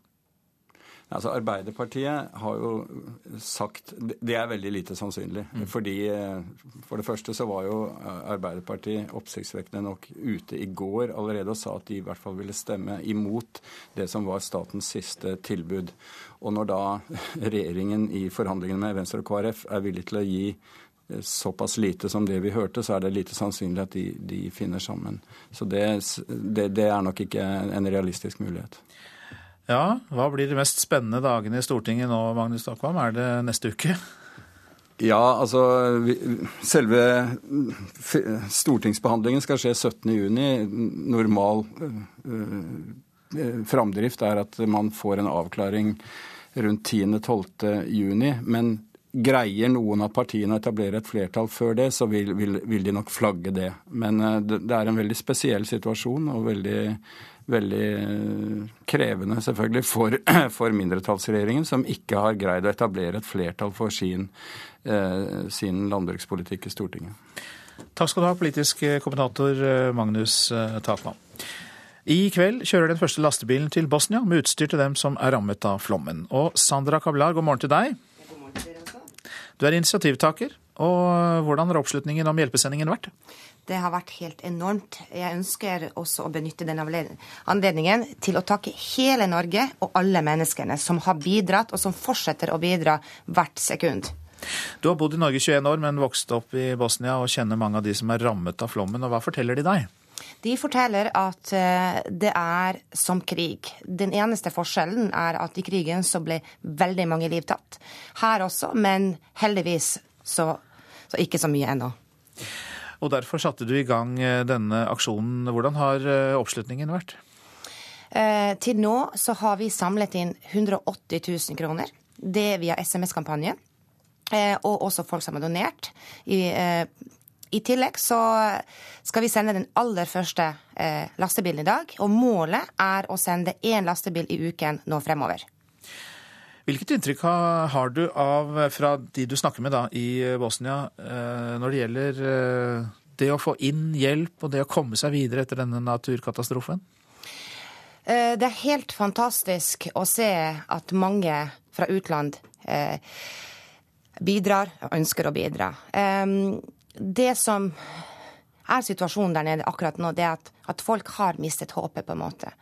Eh, et land som har vært i ruiner i mange, mange år, blir igjen truffet av en slik enorm katastrofe.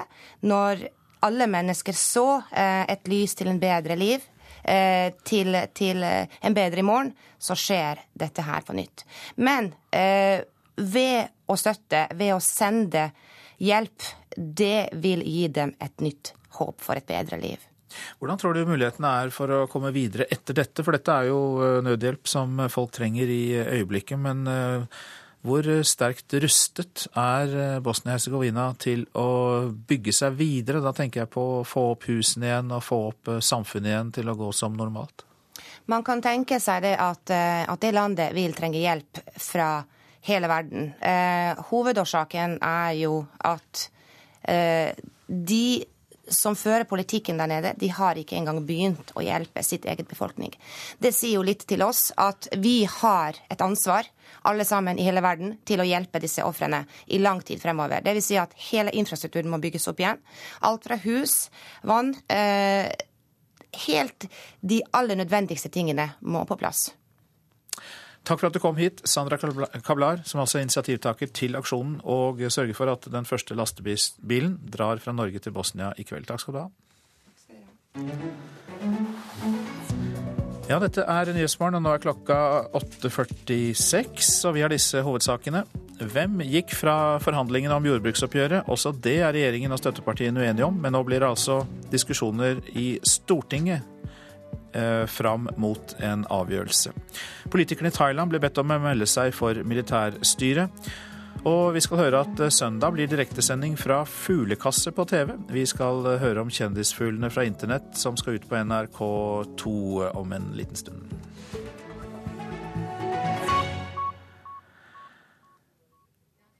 Men først til deg, Ingeborg Kleivane ved jordskredvarslinga hos Norges vassdrags- og energidirektorat, NVE. God morgen. God morgen. Du er med oss på telefon, og dere har sendt ut det som kalles oransje jordskredvarsel for Aust-Agder, Telemark, Buskerud, Oppland og Hedmark. Og hva innebærer det? Det innebærer at vi venter at det skal gå flere store og små jordskred eh, i området. Pga. den eh, nedbøren som kommer innover Sør-Norge nå dag. Og Hva er det som påvirker dette farenivået, risikoen for jordskred? Det er hvor, eh, hvor vått det er i bakken, hvor blaut eh, marka er, og da hvor mye vann du får tilført i bakken i tillegg. Så nå som det har vært eh, mye snø og mye snøsmelting en god stund allerede, så bakken har begynt å bli ganske våt mange plasser, så, så venter vi at nedbøren som kommer, vil trigge, trigge noen jordskred. Og hvem av innbyggerne i disse fylkene, altså Aust-Agder, Telemark, Buskerud, Oppland og Hedmark, er denne skredvarslinga veldig viktig for? Den er viktig for deg som, som har eh, tidligere opplevd eh, at det har gått utglidninger, utglidninger og jordskred i eh, sine områder og eiendommer. og som kan gjøre noe, rydde litt opp i dreneringspunkter, sikkerhender og lignende. Og for kommunen som eh, også har oversikt over hvilke punkter og områder som er mer utsatt, som vi kan gå ut og gjøre tiltak for å minske skade. Ja, så det er viktig med drenering og sørge for at stikkrennene er i orden. Det er det, det er det, dere oppfordrer folk til å gjøre nå? Det er viktig at folk gjør. Og så er det også veldig viktig at folk følger med på, på varsom.no, som er den sida der vi publiserer Eh, varselet på. Og eh, siden det her situasjonen er veldig avhengig av hvor nedbøren treffer, da er det jo plutselig sommer og sommerbyggene er vanskelig å varsle, så følg med på nedbørradaren til, til Yr for å se hvor det kommer til å regne. Vær forberedt og sjekk eh, hvordan varselet er på Yr og andre steder. Takk skal du ha, Ingeborg Kleivane, som altså jobber ved jordskredvarslinga hos NVE.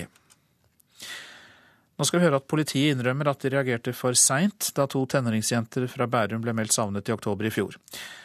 Fra faren meldte ifra om at døtrene hans trolig hadde reist til Syria, tok det bortimot tolv timer før politiet startet etterforskningen. Jentene er trolig fortsatt i Syria. Vi burde ha reagert raskere og sendt ut etterlysning med en gang, sier kriminalsjef Nina Bjørlo i Asker og Bærum politidistrikt.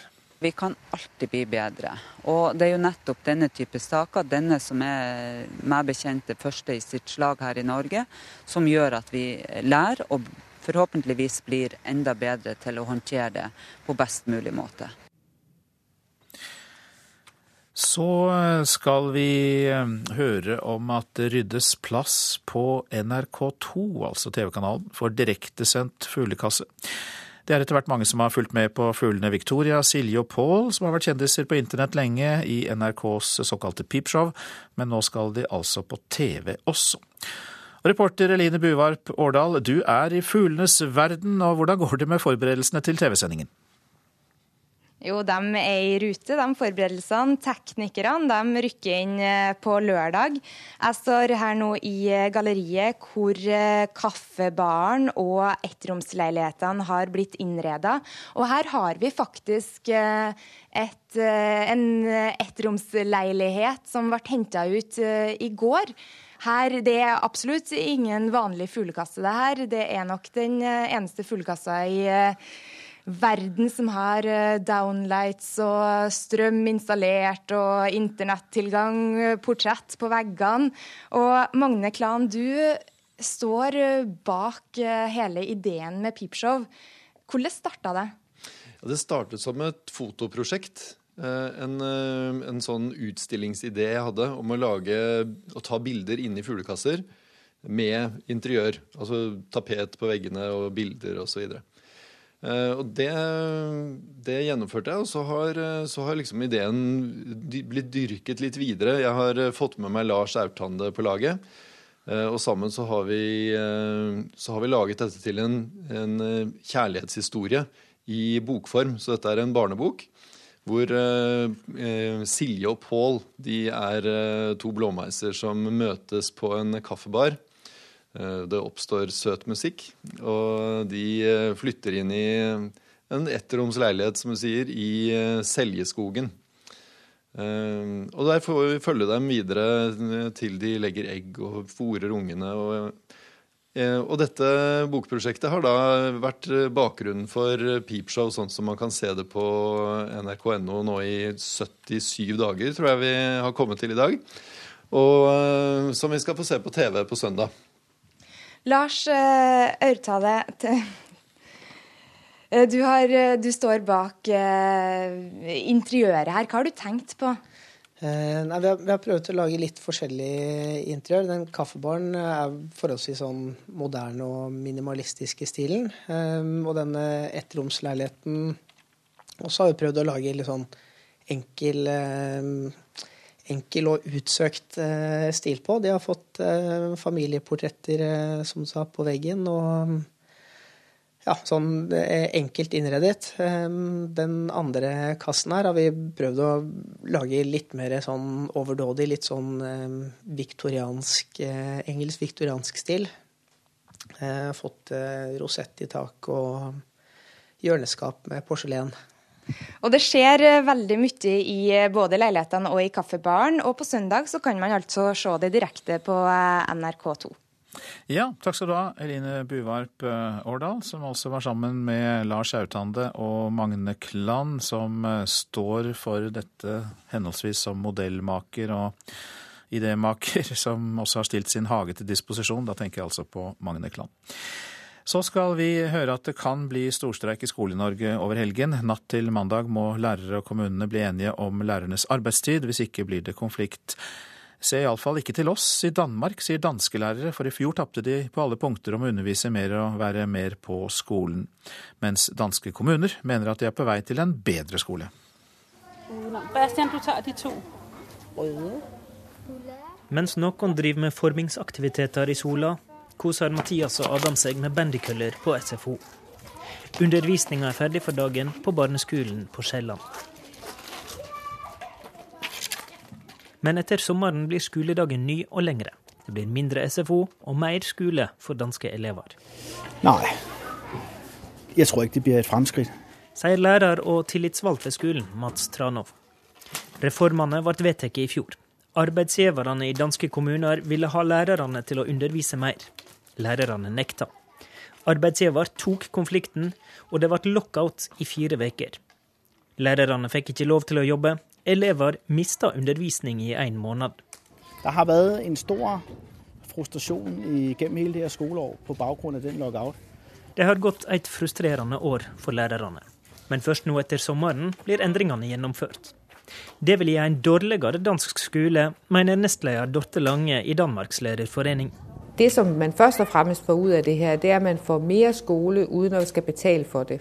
Der skal undervises to til tre lektioner mere om ugen for alle lærere. Og det er jo et gennemsnit, så der er nogen, der kommer til at undervise endnu mere. Um, og det, det vil sannsynligvis kunne komme til å gå ud over kvaliteten noen steder. Hun vet at vi har den samme diskusjonen i Norge. Denne helga sitter lærere og KS i mekling.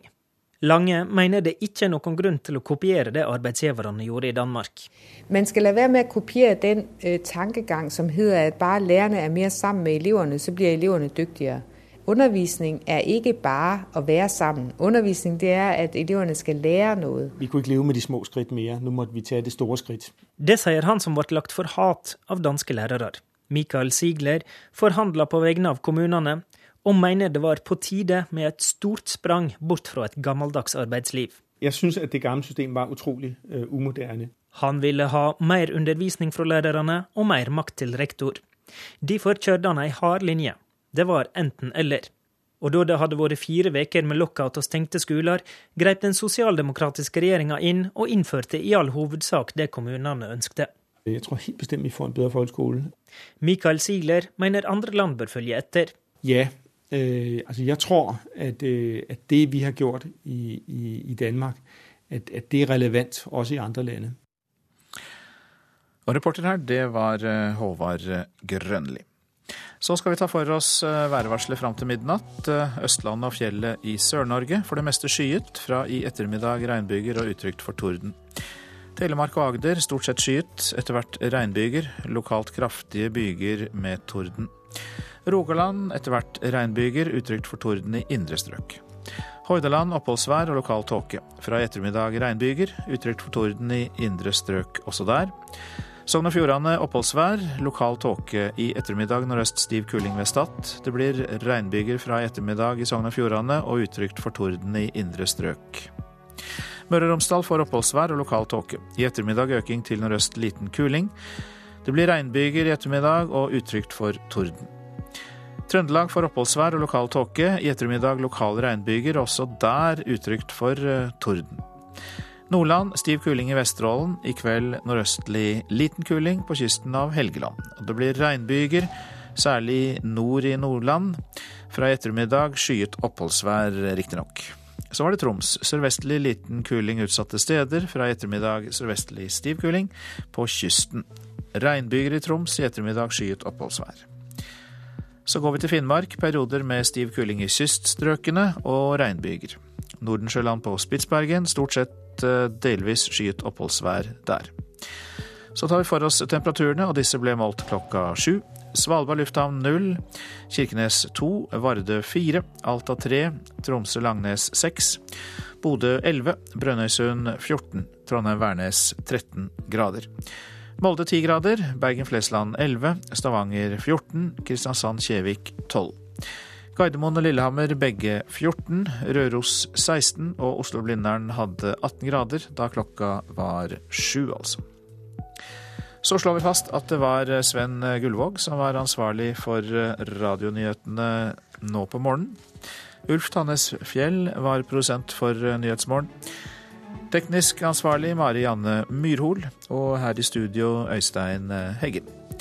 Så legger vi til at Alltid nyheter fortsetter med reportasjer og nyhetsstoff fra Sveriges Radio, BBC og NRK selvfølgelig, mens du kan høre samfunnsprogrammet Ekko i eh, P2.